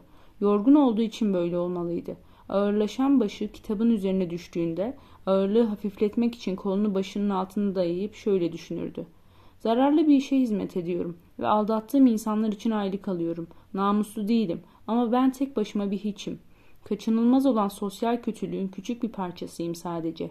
İlçedeki bütün memurlar da zararlı kişiler ve hepsi havadan para alıyorlar. Demek ki namuslu olmamamın suçlusu ben değilim. Zaman. 200 yıl sonra doğsaydım bambaşka biri olabilirdim. Saat üçü vurduğunda lambayı kapatıp yatak odasına giderdi. Can uyumak istemezdi. Bundan iki yıl önce Zemstova'nın cömertliği tutmuş, bir ilçe hastanesi açılana kadar kasaba hastanesinin doktor kadrosunu güçlendirmek için yıllık 300 ruble ödenek ayırmaya karar vermişti. Andrei Yefimiç'e yardım etmesi için ilçeden Yevgeni Fedorich Hobotov adında bir doktor davet edildi. Henüz oldukça genç bir doktor olan adam 30 yaşında yoktu. Esmer teni, uzun boyu, geniş elmacık kemikleri ve küçük gözleri atalarının muhtemelen Rus olmadığını gösteriyordu. Kasabaya beş parasız elinde küçük bir bavul ve yanında aşçısı olarak tanıttığı, kucağında bebeği olan çirkince genç bir kadınla gelmişti. Yevgeni Fedorich genellikle başında siperli bir kasket, ayağında uzun konçlu çizmelerle dolaşır, kışınsa gocuk giyerdi. Sağlık memuru Sergey Sergeyiç ve veznedarla yakın ilişkiler kurmuştu. Öteki memurları ise nedense aristokrat olarak adlandırır, onlardan uzak dururdu. Lojmanında Viyana Kliniği'nin 1881 yılına ait Reçeteleri adlı kitaptan başka bir kitap yoktu. Hastalarını ziyaret ederken yanında mutlaka bu küçük kitabı götürürdü. Akşamları kulüpte bilardo oynardı, kağıt oynamayı sevmezdi.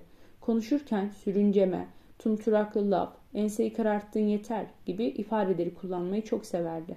Hastaneye haftada iki kez gelir, bu sırada koğuşları gezer, hastaları kabul ederdi.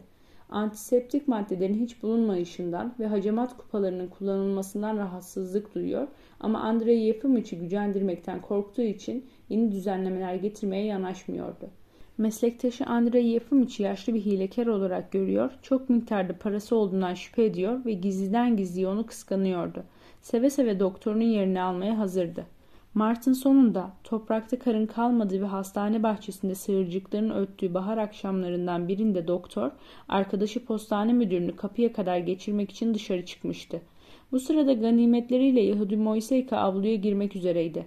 Başında şapkası yoktu. Çıplak ayaklarına küçük lastik galoşlarını geçirmişti ve elinde sadaka topladığı küçük bir çanta vardı. Soğuktan titreyerek ve gülümseyerek doktora ''Bir kapik versene'' dedi. Reddetmeyi hiçbir zaman beceremeyen Andrei Yefimiç ona on kapik verdi. Adamın çıplak ayaklarının ince, kızarmış bileklerine bakarak ıslak yerlerde böyle dolaşması hiç iyi değil diye düşündü. Hem acıma hem de tiksinmeye benzer bir duyguyla Yahudinin ardından binaya girdi. Yürürken adamın bir kel başına bir ayak bileklerine bakıyordu. Binaya girmekte olan doktoru gören Nikita ıvır zıvır yığının içinden zıplayarak esas duruşa geçti. Andrei Yefimiç yumuşak bir sesle Merhaba Nikita dedi. Bu Yahudi'ye bir çift çizme vermeli yoksa üşütecek. Elbette sayın doktor. Durumu idare amirine ileteceğim. Lütfen benim adıma iste. Benim rica ettiğimi söyle. Antreden koğuşa girilen kapı açıktı. Yatağında dirseğine dayanmış uzanmakta olan Ivan Dimitriç endişe içerisinde dışarıdan gelen yabancı sese kulak kabarttı ve birdenbire doktorun sesini tanıdı. Bütünüyle öfkeden titreyerek yerinden fırladı. Kıpkırmızı, sinirli bir yüzle Gözleri yuvalarından uğramış bir halde koğuşun ortasına doğru koştu ve bir kahkaha atarak bağırdı. Doktor gelmiş. Sonunda geldi. Tebrik ederim baylar. Doktor ziyaretiyle bizi şereflendirdi. Lanet sürüngen seni. Ivan Dimitriç daha önce koğuşta hiç görülmemiş bir taşkınlıkla ayaklarını yere vurarak bağırıyordu. Öldürmek gerek bu sürüngeni. Hayır, öldürmek yetmez. Pislik çukurunda boğmalı. Bunu duyan Andrei Yefimiç koğuşun içine doğru baktı ve yumuşak bir sesle sordu. Neden?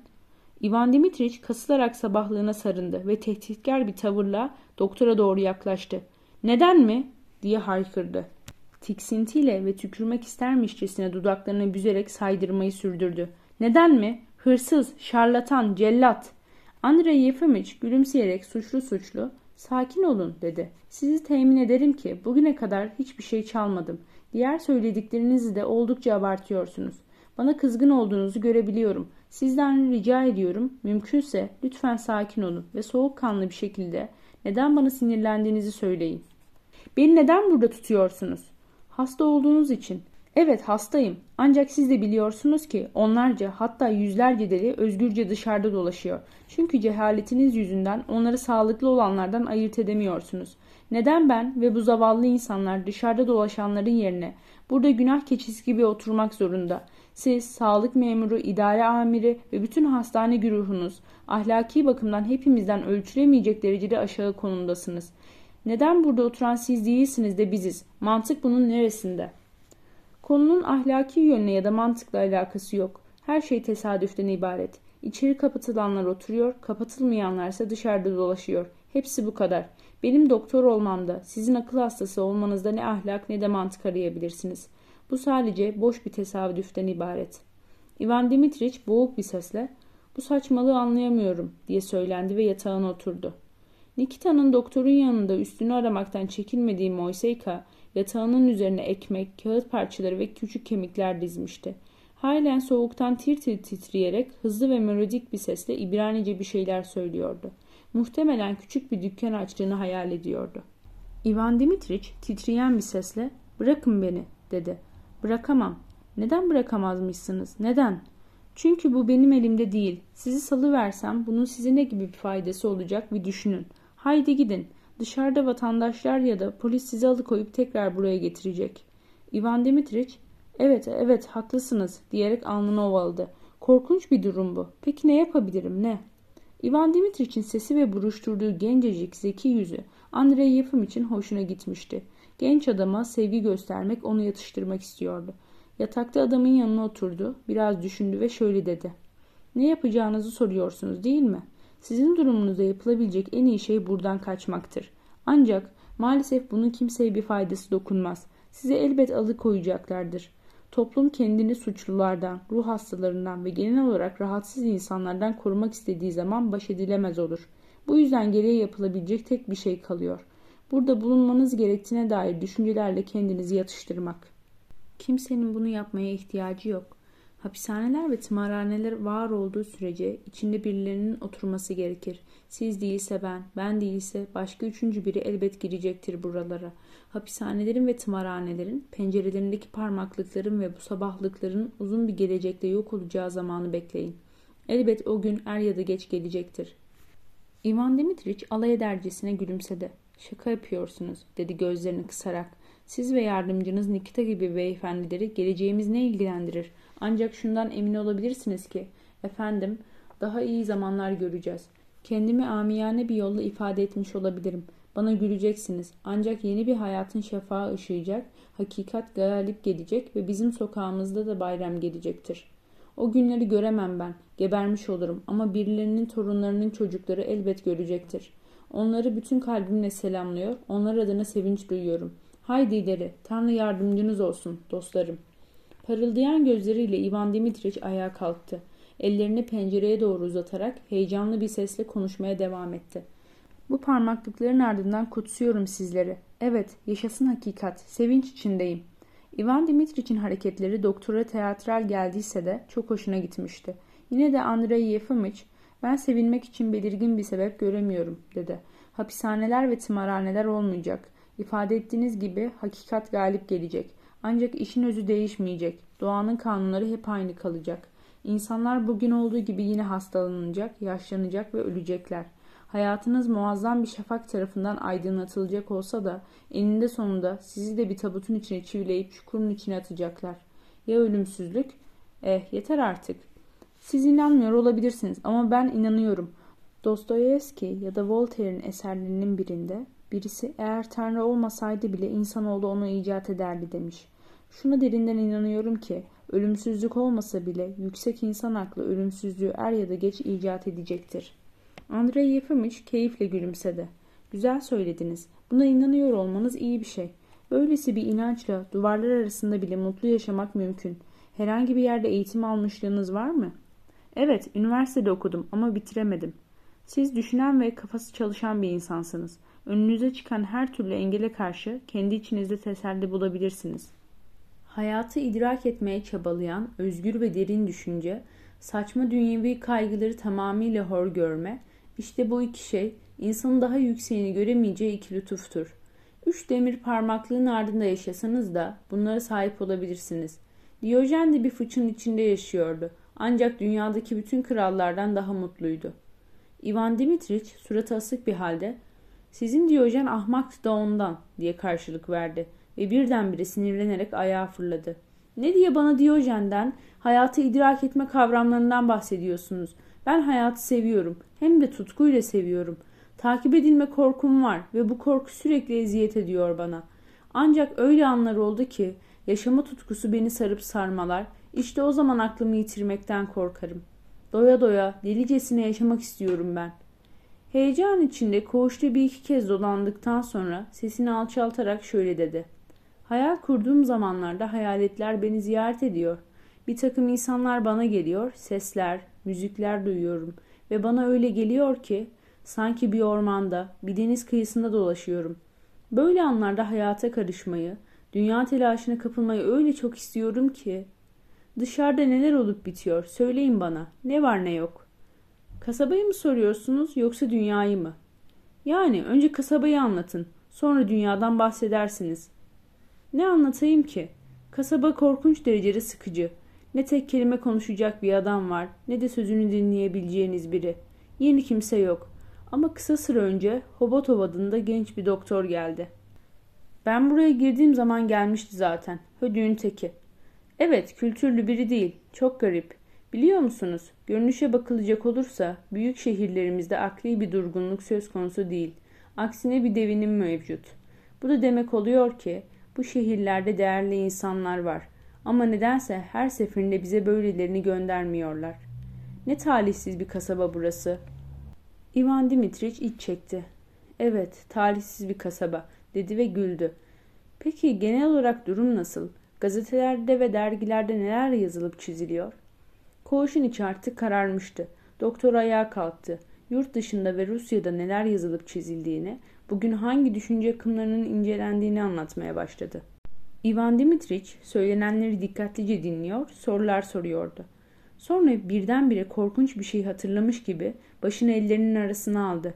Sırtını doktora dönerek yatağa uzandı. Andrei Yefimich, neyiniz var diye sordu. Ivan Dimitriç kabaca, benden tek bir kelime daha duymayacaksınız dedi. Beni yalnız bırakın. Nedenmiş o? Size diyorum beni rahat bırakın. Ne lanet herif. Andrei Yefimich omuzlarını silkti. Bir iç çekti ve dışarı çıktı. Antreden geçerken şöyle dedi. Burayı biraz toplasak mı Nikita? Korkunç ağır bir koku var. Emredersiniz efendim. Andrei Yefimich lojmanına doğru yolda yürürken ne hoş bir delikanlı diye geçirdi içinden. Burada yaşadığım süre boyunca konuşabildiğim ilk insan herhalde. Hem tartışma becerisine sahip hem de gerekli olan neyse onunla ilgileniyor. Kitap okurken, yatmaya giderken sürekli Ivan Dimitriç'i düşündü. Ertesi sabah uyandığında dün tanıştığı zeki ve ilginç adamı anımsadı. İlk fırsatta tekrar yanına giderek onunla yakınlık kurmaya karar verdi. Ivan Dimitriç dünkü gibi başını ellerinin arasına almış, ayaklarını kendine çekmiş uyuyordu. Yüzü görünmüyordu. Andrei Yefimich, merhaba dostum dedi. Uyumuyorsunuz ya. Ivan Dimitriç başı yastığın içine gömülü bir halde, öncelikle ben sizin dostunuz değilim dedi. İkincisi çabanız beyhude. Benden tek bir kelime alamayacaksınız. Doktor bozulmuştu. Tuhaf diye mırıldandı. Dün güzel güzel sohbet ediyorduk ama birdenbire nedense gücendiniz ve aniden münasebeti kestiniz. Muhtemelen kendimi yanlış ifade ettim. Ya da belki de sizin düşüncelerinize uymayan bir fikir belirttim. Ivan Dimitriç doğruldu. Doktoru alaylı ve telaşlı bakışlarıyla süzdü. Gözleri kanlanmıştı. Size inanacağımı mı sanıyorsunuz? Gidip başka bir yerde casusluk yapmayı deneyebilirsiniz. Buradan size iş çıkmaz. Buraya neden geldiğinizi daha dün anladım. Doktor gülümsedi. Ne garip bir hayal gücü. Demek benim casus olduğumu düşünüyorsunuz. Evet, öyle düşünüyorum. İster casus, ister beni denetlemek için görevlendirilmiş bir doktor olun. Hiçbir farkı yok. Ah, siz yok musunuz? Kusura bakmayın ama garip birisiniz. Doktor yatağın yanındaki tabureye oturdu ve sistemle başını salladı. Hadi haklı olduğunuzu varsayalım. Diyelim ki sizi polise teslim etmek için ağzınızdan sinsice laf almaya çalışıyorum. Sizi tutuklayacaklar ve sonra yargılayacaklar. Mahkemede ve hapishanede durumunuz buradakinden daha mı kötü olacak? Hadi sizi sürgüne gönderecekler. Hatta kürek cezası verecekler diyelim. Sizce bu binada oturmaktan daha mı kötü? Bence değil. Peki o zaman neden korkuyorsunuz? Görünüşe göre bu sözler Ivan Dimitriç'i etkilemişti. Usulca yerine oturdu. Saat beşe geliyordu. Bu saatlerde Andrei Yefimiç genellikle lojmanındaki odalar arasında dolaşır, Daryushka da ona bira içme vaktinin gelip gelmediğini sorardı. Dışarıda durgun, açık bir hava vardı. Doktor, öğle yemeğinden sonra biraz dolaşmak için çıktım ve işte size uğradım dedi. Neredeyse bahar geldi. Ivan Dimitriç, hangi aydayız şimdi? Mart mı? diye sordu. Evet, Mart'ın sonundayız. Dışarısı çamurlu mu hala? Hayır, pek değil. Bahçede patikalar bile belirdi. Ivan Dimitriç sanki uykudan yeni kalkmış gibi kızarmış gözlerini ovuşturdu. Şimdi at arabasıyla kırlara çıkmak, sonra da evine, sıcacık ve rahat odana dönmek. Bir de baş ağrısından kurtulabilmek için düzgün bir doktora görünmek ne güzel olurdu. Uzun zamandır insan gibi yaşamıyorum. Burası iğrenç bir yer. Tahammül edilemeyecek kadar iğrenç. Dünkü heyecanından sonra yorgun düşmüştü. Durgundu, isteksizce konuşuyordu. Parmakları titriyordu ve başının çok ağrıdığı yüzünden okunabiliyordu. Andrei Yefimiç, sıcak, rahat bir oda ve bu koğuş arasında hiçbir fark yok, dedi. İnsanın huzuru ve memnuniyeti dışarıda değil, içindedir. Nasıl yani? Sıradan bir insan iyi ya da kötüyü dışarıdan, yani bir atlı arabadan ya da bir çalışma odasından bekler. Düşünen bir insansa kendi içinde bulur. Gidin de bu öğretiyi sıcacık, turunç kokan Yunanistan'da yayın. Söyledikleriniz bu iklime göre değil. Kiminle Diyojen hakkında konuşmuştum ben? Sizinle, değil mi? Evet, dün benimle konuşmuştunuz. Diyojen'in bir odaya da sıcak bir eve de ihtiyacı yoktu. Bütün bunlar olmadan da orada hava zaten sıcak. Gidip bir fıçının içinde uzanıp portakal ve zeytin yiyordu. Eğer Rusya'da yaşamak zorunda kalsaydı bırakın Aralık ayını Mayıs'ta bile bir oda isterdi kendine. Muhtemelen soğuktan iki büklüm kalırdı. Hayır, diğer acılar gibi soğuğu da hissetmemek mümkün. Marcus Aurelius, acı, acı hakkındaki canlı düşüncedir.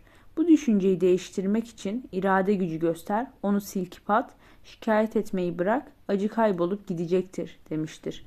Gerçekten de öyle. Bir bilgin ya da sadece düşünen, kafası çalışan bir kimse, diğerlerinden tam da acıyı küçümsemesiyle ayrıdır. Bu kişi her zaman halinden memnundur ve hiçbir şeye şaşırmaz. Demek ki ben acı çektiğim, memnun olmadığım ve insanların alçaklıklarına şaşırdığım için aptalım. Boşuna böyle düşünüyorsunuz. Eğer daha sık kafa yorarsanız sizi endişelendiren bütün dış etkenlerin ne kadar önemsiz olduklarını anlarsınız. Hayatı derinlemesine kavramaya yönelik gayret etmek gerek. Gerçek lütuf bu hayatın içerisinde mevcut. İvan Dimitriç yüzünü ekşitti. Derinlemesine kavramak. Dışarıdan, içeriden. Kusura bakmayın anlayamıyorum. Bildiğim tek şey... İvan Dimitriç ayağa kalkarak öfkeyle doktora baktı. Sonra kaldığı yerden devam etti. Tek bildiğim Tanrı'nın beni sıcak kandan ve sinirlerden yarattı. Evet, bir organik doku eğer canlı ise her türlü uyarıya karşı tepki vermelidir. Benim yaptığım da işte budur. Acıya karşı bağırarak gözyaşlarımla cevap veririm. Yapılan alçaklıklara öfkeyle, iğrençliklere ise tiksinti duyarak tepki gösteririm. Bana göre bu hayatın ta kendisidir. Bir canlı ne kadar basitse o kadar az duyarlıdır ve uyarılara karşı daha zayıf karşılık verir. Ne kadar gelişmişse gerçekliğe karşı daha fazla duyarlıdır ve daha enerjik bir biçimde tepki verir. Bunu nasıl bilmezsiniz? Doktorsunuz ama böyle temel şeylerden haberiniz yok. Acıyı küçümseyebilmek, her daim memnun olmak ve hiçbir şey şaşırmamak için işte tam da şu aşamaya gelmek, Parantez içinde Ivan Dimitrich şişman, yağ küpüne dönmüş köylüyü işaret etti. Ya da her türlü duyarlılığı yitirmek için sonuna kadar acıyla yoğrulmak, başka bir deyişle artık yaşamamak gerekir. Ivan Dimitrich öfkelenerek sözlerini sürdürdü. Kusuruma bakmayın, bilgin ya da filozof değilim. Bu konulardan hiç anlamam. Akıl yürütecek durumda değilim. Tam aksine çok güzel şeyler söylüyorsunuz. Parodisini yaptığınız stoacılar muazzam insanlardı. Ama öğretileri daha 2000 yıl önce donmuş, bir damla ileriye gidememişti. Pratik ve geçerli olmadığı için ilerleyemezdi de. Bu öğreti sadece her türlü öğretinin tadına vararak ve üzerlerinde kafa patlatarak ömür tüketen küçük bir kesimde başarı yakalamıştı. İnsanların büyük bir çoğunluğu bu öğretiyi anlamamıştı bile. Zenginliğe, hayatın sağladığı rahatlıklara kayıtsızlığı, acıyı ve ölümü küçümsemeyi vaaz eden bu öğreti büyük çoğunluk için tamamen anlaşılmazdı. Çünkü bu çoğunluk ne zenginliği ne de hayatın sağladığı rahatlıkları tatmıştı. Acıyı küçümsemek onlar için hayatı küçümsemek anlamına geliyordu. Onlara göre insanın bütün varlığı açlığı, soğuğu, hakareti, yokluğu hissetmek ve ölüm karşısında Hamlet gibi korku duymaktan ibaretti. Bütün bir hayat bu duygulardadır. Hayatın yükü altında ezilebilir, ondan nefret edebilirsiniz ama onu küçümseyemezsiniz. Evet, tekrar ediyorum. Stoacıların öğretisinin hiçbir zaman bir geleceği olamaz. Gördüğünüz gibi yüzyılın başlangıcından günümüze mücadele, acıya karşı duyarlılık, uyarılara karşı tepki verebilme kabiliyeti gelişimini sürdürüyor. Ivan Dimitrich birdenbire düşüncelerinin sırasını yitirdi. Durdu ve sinirli sinirli alnını ovdu. Önemli bir şey diyecektim. Ancak unuttum diye devam etti. Neden bahsediyordum? Ha, diyordum ki Stoacılardan biri vaktiyle yakını olan birini kurtarabilmek için kendini köle olarak satmış. İşte görüyorsunuz ya, demek ki bir stoacı bile uyarıya karşı tepki verebilmiş. Çünkü yakını olan birisi uğruna kendini yok etmek gibi böylesi yüce bir eylem için öfkeli ve merhametli bir ruha sahip olmak gerekir. Bu hapishanede şimdiye kadar öğrendiğim her şeyi unuttum. Yoksa bir şeyler daha hatırlayabilirdim. Mesela İsa'yı ele alalım. İsa ağlayarak, gülerek, hüzünlenerek, öfkelenerek, hatta can sıkıntısı çekerek gerçekliğe tepki veren biriydi. Acılara gülümseyerek karşı gelmedi ve ölümü küçümsemedi. Bunun yerine kasenin ondan uzaklaştırılması için Getsemani bahçesinde Tanrı'ya dua etti. Dipnot, kasenin uzaklaştırılması. İncil'de İsa'nın Getsemani bahçesinde yaptığı dua. Baba, mümkünse bu kase benden uzaklaştırılsın. Yine de benim değil, senin dediğin olsun. Kitaba dönüş. Ivan Dimitrich güldü ve tekrar yerine oturdu. Farz edelim ki insanın huzuru ve memnuniyeti dışta değil, kendi içindedir. Farz edelim ki acıları küçümsemek ve hiçbir şeye şaşırmamak gerekir. Peki bunları neye dayanarak söylüyorsunuz? Siz bilgin ya da filozof musunuz? Hayır, filozof değilim. Fakat bu konuda herkes fikir beyan edebilir. Çünkü mantıklı bir açıklaması mevcut. Hayır, hayatı derinlemesine anlama, acıyı küçümseme ve diğer konularda neden kendinizi yetkin gördüğünüzü bilmek isterim. Yoksa zamanında siz de mi acı çektiniz? Acının ne olduğuna dair bir fikriniz var mı? Şunu sormama müsaade edin. Çocukken hiç dayak yediniz mi? Hayır, ailem bedensel cezalardan nefret ederdi. Benim babamsa acımadan kırbaçlardı beni. Sert yapılı, uzun burunlu, sarı boyunlu, hemoroidi olan bir memurdu. Ancak şimdi sizden konuşalım. Bütün ömrünüz boyunca kimse size parmağını değdirmedi. Sizi korkutmadı, dövmedi. Bir öküz kadar sağlıklısınız. Babanızın kanatları altında büyüdünüz, onun parasıyla öğrenim gördünüz. Çok beklemeden de tasası az, kazancı bol işinizi kaptınız. 20 yıldan fazla süredir ısıtması, aydınlatması, hizmetçisi olan bedava bir lojmanda oturuyorsunuz. İşinize geldiği kadar çalışma hakkına sahipsiniz. Üstelik hiç çalışmasanız da olur. Yaratılıştan tembel ve gevşek bir insansınız.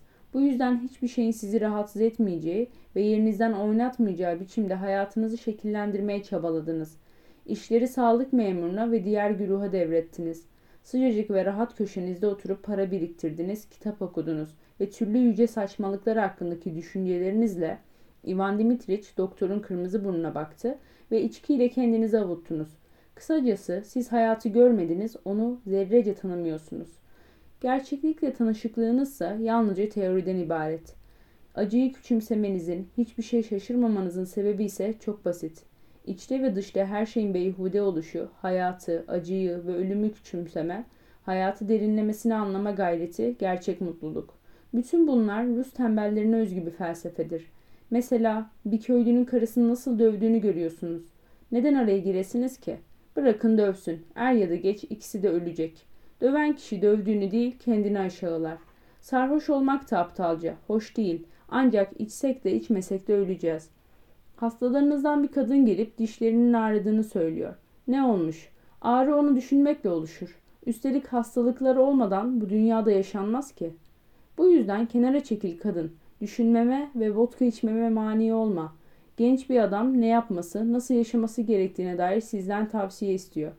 Başka biri olsa durup düşünürdü. Ancak sizde cevap hazır. Hayatı ya da gerçek mutluluğu derinlemesine anlamaya gayret et. Bu fantastik gerçek mutluluk da ne olsa gerek. Bunun bir cevabı yok elbette. Bizi burada parmaklıklar ardında tutuyorlar. işkence ediyorlar, çürümeye terk ediyorlar. Bunlar çok güzel ve mantıklı. Çünkü size göre bu parmaklıklarla sıcak, rahat odanız arasında hiçbir fark yok. Hem hiç çalışma hem vicdanın rahat olsun. Hem kendini bilgin say. Ne ala felsefe. Hayır efendim bu ne felsefe ne düşünüş tarzı ne de bir bakış açısı genişliğidir. Aksine bu tembellik, Hint fakirliği ve uyku sersemliğidir. Evet, Ivan Dimitriç yeniden sinirlendi. Acıyı küçümsersiniz ama parmağınızı kapıya sıkıştırdığınız vakit en yüksek perdeden inlersiniz. Andrei Yefimiç kibarlıca gülümsedi. Belki de inlemem. Tabi tabi. Peki felç geçirseniz ya da varsayalım ki aptalın, küstahın biri mevkiini ve rütbesini kullanarak sizi alenen aşağılasa, siz de bunun yanına kar kalacağını bilseniz, işte o zaman insanlara hayatı derinlemesine anlamak ve gerçek mutluluğa ulaşmak için öğüt vermenin ne demek olduğunu anlardınız. Andrei Yefimiç keyifle güldü. Bu orijinal bir fikir işte, dedi ellerini ovuşturarak. Genelleme yapmaya yönelik eğiliminiz beni derinden etkiledi. Karakterime yönelik demin yaptığınız analiz ise gerçekten şahane. Kabul etmem gerekir ki sizinle yaptığım sohbet bana müthiş keyif veriyor. Eh ben sizi dinledim. Şimdi siz beni dinlemek lütfunu gösterin bakalım. Sohbetleri yaklaşık bir saat kadar devam etti ve görünüşe göre Andrei Yefim için üzerinde derin bir etki bıraktı. Her gün hastane binasına gelmeye başladı. Sabahları ve öğleden sonraları geliyor, sık sık akşamın karanlığına kadar Ivan Dimitriç ile sohbet ediyordu. İlk zamanlar Ivan Dimitriç doktordan uzak duruyor, kötü niyetli olmasından şüpheleniyor ve ondan hoşlanmadığını açıkça dışa vuruyordu. Ama daha sonra alıştı ve ters tavırları yerini küçümseyen bir ironiye bıraktı. Çok geçmeden Doktor Andrei Yefim için 6. koğuşu ziyaret etmeye başladığına dair bir dedikodu hastanede yayıldı. Ne sağlık memuru, ne Nikita, ne de hasta bakıcılar doktorun koğuşu neden gittiğine, niçin saatlerce orada oturduğuna, ne hakkında konuştuğuna ve neden hiç reçete yazmadığını anlam verebildiler. Doktorun davranışları yadırganıyordu. Mihail Averyaniç çoğu zaman onu evinde bulamıyordu ve daha önce hiç böyle olmamıştı. Daryushka'nın da kafası oldukça karışmıştı. Çünkü doktor artık birasını eskisi gibi belirlediği vakitte içmiyor, bazen öğle yemeğine geç kaldığı bile oluyordu. Bir keresinde, bu olay Haziran ayının sonunda olmuştu, Doktor Hobotov bir iş için Andrei Yefimiç'e uğramıştı. Doktor evinde bulamayınca avluda aramak üzere dışarı çıktı.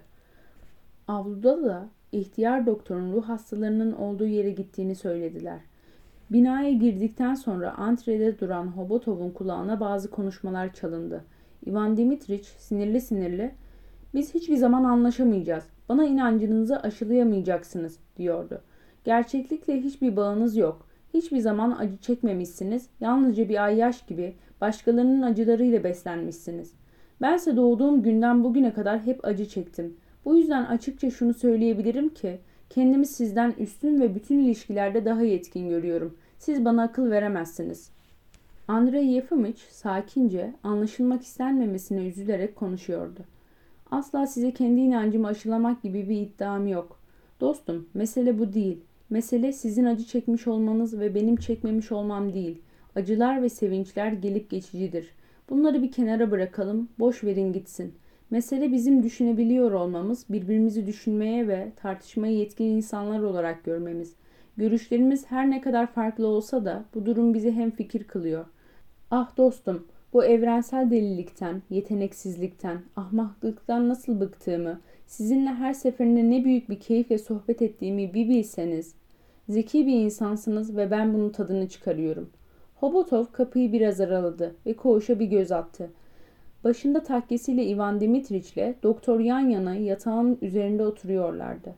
Dilinin yüz kasları seyiriyor, bedeni anlık titremeler geçiriyor, hummalı hareketlerle sabahlığının eteklerini kavuşturup duruyordu.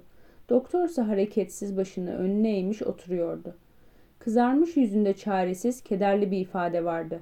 Hobotov omuzlarını silkti, gülümsedi ve Nikita ile bakıştı. Nikita da omuzlarını silkti. Ertesi gün Hobotov sağlık memuru ile birlikte binaya geldi. İkisi de antrede durarak konuşulanlara kulak kabarttı. Binadan çıkarlarken Hobotov, görünüşe göre bizim ihtiyar kafayı üşütmüş dedi. Parlak bir şekilde cilalanmış çizmelerine çamur sıçratmamak için su birikintilerinin etrafından dikkatle geçen yakışıklı Sergey Sergeyiç, ''Tanrım sen bize bu günahkar kullarını acı'' dedi iç çekerek. Saygıdeğer Yevgeni Fedoriç, itiraf etmem gerekir ki bu durumu çoktandır bekliyordum. Bu andan sonra Andrei Yefimiç etrafında garip bir şeyler döndüğünü fark etmeye başladı. Köylüler, hasta bakıcılar ve hastalar kendisiyle karşılaştıklarında yüzüne sorgular biçimde bakıyorlar, sonra aralarında fısıldaşıyorlardı.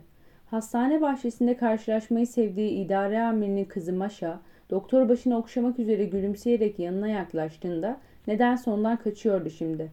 Postane müdürü Mihail Averyaniç artık doktor dinledikten sonra tamamen doğru demiyor, bunun yerine anlaşılmayan bir şaşkınlıkla evet evet evet diye mırıldanıyordu ve düşünceli, hüzünlü bir ifadeyle ona bakıyordu. Durduk yere arkadaşına vodka ve birayı bırakmasını tavsiye etmeye başlamıştı. Ancak bunu kibar bir insan olduğu için doğrudan değil, imalarla mükemmel bir insan olan tabur kumandanının da çok iyi bir adam olan alay papazının içki içip hasta düştüğünü fakat içmeyi bıraktıktan sonra tamamen sağlığına kavuştuğunu söyleyerek yapıyordu. Andrei Yefim için yanına iki ya da üç kez gelen meslektaşı Hobotov da alkollü içkileri bırakmasını önermiş, görünür herhangi bir neden olmaksızın bromür kullanmasını söylemişti. Ağustos ayında Andrei Yefimiç belediye başkanından kendisiyle çok önemli bir konu hakkında görüşmek üzere bir mektup aldı. Belirlenen saatte belediye binasına geldikten sonra Andrei Yefimiç karşısında komutanı, ilçe okul müdürünü, belediye meclis üyelerinden birini, Hobotov'u ve doktor olarak tanıttıkları tombul, sarışın bir beyefendiyi gördü.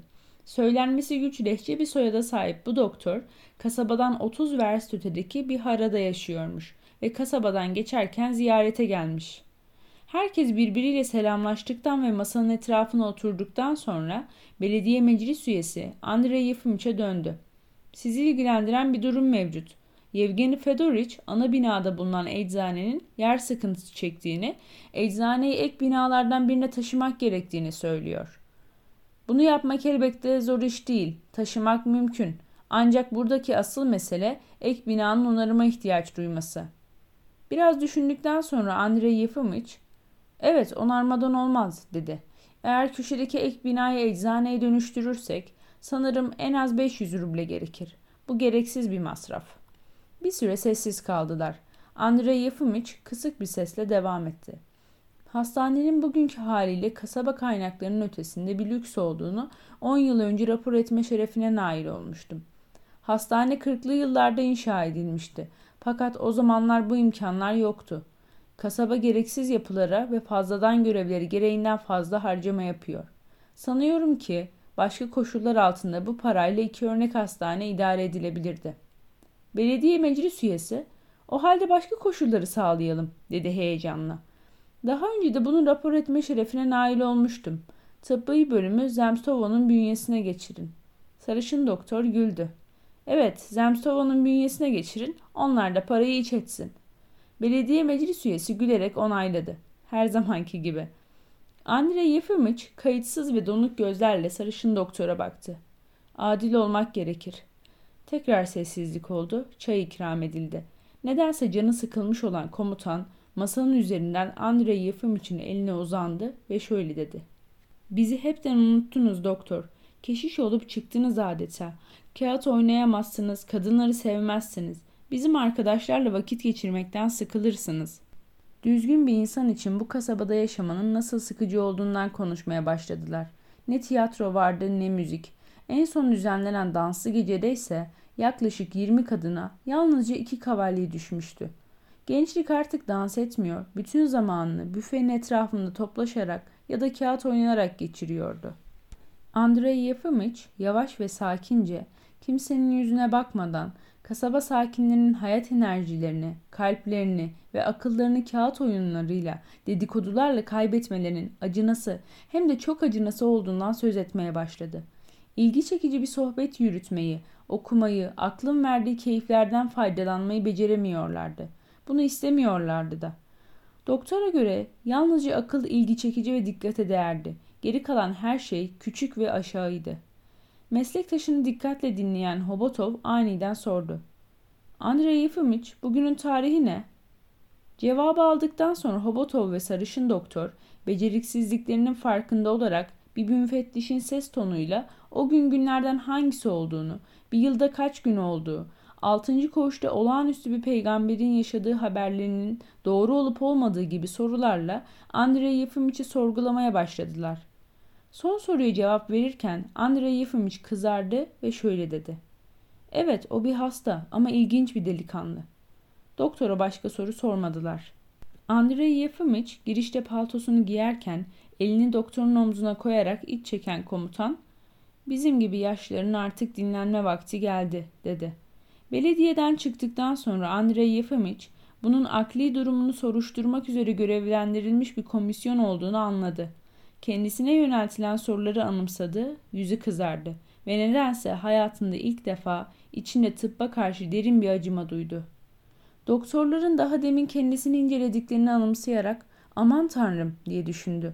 Bunlar psikiyatri dersleri alalı, sınav verili daha ne kadar oldu ki? Bu kara cahillik de neyin nesi? Psikiyatriden anladıkları yok. Hayatında ilk defa kendini aşağılanmış ve öfkelenmiş hissetmişti.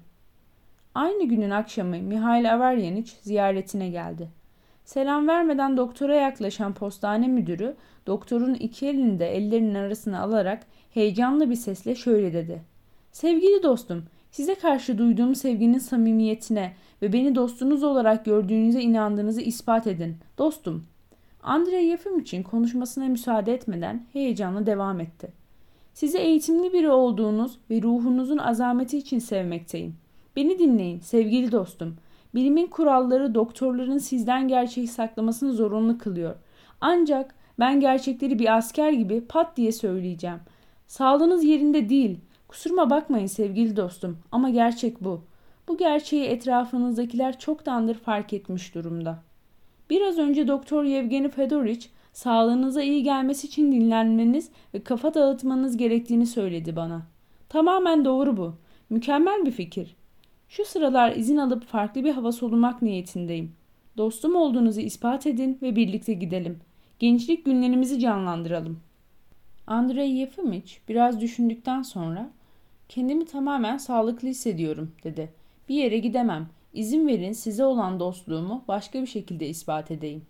Kitapları olmadan birasız, daryuşkasız ve sebepsiz bir yere gitme, son 20 yılda kurduğu düzenini keskin bir biçimde bozma fikri doktora o an vahşice ve fantastik göründü. Ancak belediyede yaptıkları konuşmayı, belediyeden eve dönerken içini kaplayan o ağır ruh halini anımsadı ve aptal insanların onu deli saydıkları, ona güldükleri bu kasabadan kısa bir süreliğine ayrılma fikri cazip geldi. Peki tam olarak nereye gitmeyi düşünüyorsunuz? diye sordu. Moskova'ya, Petersburg'a, Varşova'ya. Varşova'da hayatımın en mutlu beş senesini geçirdim. Muazzam bir şehir. Hadi beraber gidelim sevgili dostum. Bir hafta sonra Andrei yapım içi dinlenmesi yani emekliye ayrılması teklif edildi. Doktor bu duruma her ne kadar kayıtsız kalsa da kendini bir hafta sonra Mihail Averyaniç ile birlikte postane arabası üzerinde en yakın demiryolu istasyona doğru giderken buldu. Hava serin ve açık, gökyüzü mavi ve bulutsuzdu. İki gün süresince istasyona kadar 200 verst yol gittiler ve yol boyunca iki kez gecelediler. Menzillerde iyi yıkanmamış bardaklarla çay servis edildiğinde ya da atları koşmak uzun sürdüğünde Mihail Averyaniç morarıyor, bütün vücuduyla sinirden titreyerek Kes sesini, tartışmak istemiyorum diye bağırıyordu. Arabayla giderlerkense hiç susmadan Kafkasya ve Polonya krallığına yaptığı seyahatler hakkında konuşuyordu. Ne maceralar yaşamış, kimlerle karşılaşmıştı. Yüksek sesle konuşuyor ve bunu yaparken gözleri öyle şaşkın bir hal alıyordu ki yalan söylediğini düşünmek mümkündü. Üstelik bir şeyler anlatırken Andrei için yüzüne doğru soluyor, kulağının dibinde kahkahalar atıyordu. Bu durum doktorun canını sıkıyor, düşünmesine ve odaklanmasına mani oluyordu. Hesaplı olsun diye trende üçüncü sınıf, sigara içilmeyen bir vagonda gidiyorlardı. Yolcuların yarısı düzgün insanlardan oluşuyordu. Mihail Averyaniç kısa zamanda herkesle ahbap oldu. Bir koltuktan diğerine geçerek bu berbat yollarda seyahat etmenin hak olmadığını yüksek sesle söylüyordu. Sahtekarlık her yerdeydi. At üstünde gitmek daha uygundu. Günde yüz vers gitsen de kendini sağlıklı ve dinç hissederdin. Kötü mahsulün sebebi de Pinsk bataklıklarını kurutmalarıydı. Başı bozukluk her yanı sarmıştı. Mihail Averyaniç heyecanlanıyor, bağıra çağıra konuşuyor, sözü kimseye bırakmıyordu. Arada bir gürültülü kahkaha ve manidar el kol hareketleriyle desteklenen bu bitip tükenmez gevezelik Andrei Yefimit'i yoruyordu. Öfkeli bir halde, içimizden hangisi deli acaba? Yolcuları hiçbir şeyleri rahatsız etmemeye gayret eden ben mi? Yoksa buradaki en zeki ve ilgi çekici kişi olduğunu düşünen, bu yüzden etrafındaki hiç kimseye huzur vermeyen bu egoist mi? diye düşünüyordu. Moskova'ya gelince Mihail Averyaniç apoletsiz bir asker ceketi ve kırmızı şeritleri olan bir pantolon giydi. Sokakta başında kasketi, sırtında kaputuyla gezerken askerler ona selam duruyordu. Andrei Yefimiç'e şimdi öyle geliyordu ki karşısındaki insan bir zamanlar sahip olduğu soyluluğun bütün iyi yanlarını yitirmiş, sadece kötü yanlarını muhafaza etmişti. Hiç gerekli olmayan anlarda bile kendisine hizmet edilmesinden hoşlanıyordu. Önündeki masada duran kibriti gördüğü halde vermesi için yanındakine sesleniyor.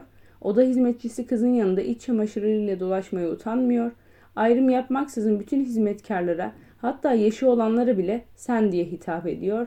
Öfkelendiğinde ise onları ahmak, aptal gibi sözlerle aşağılıyordu.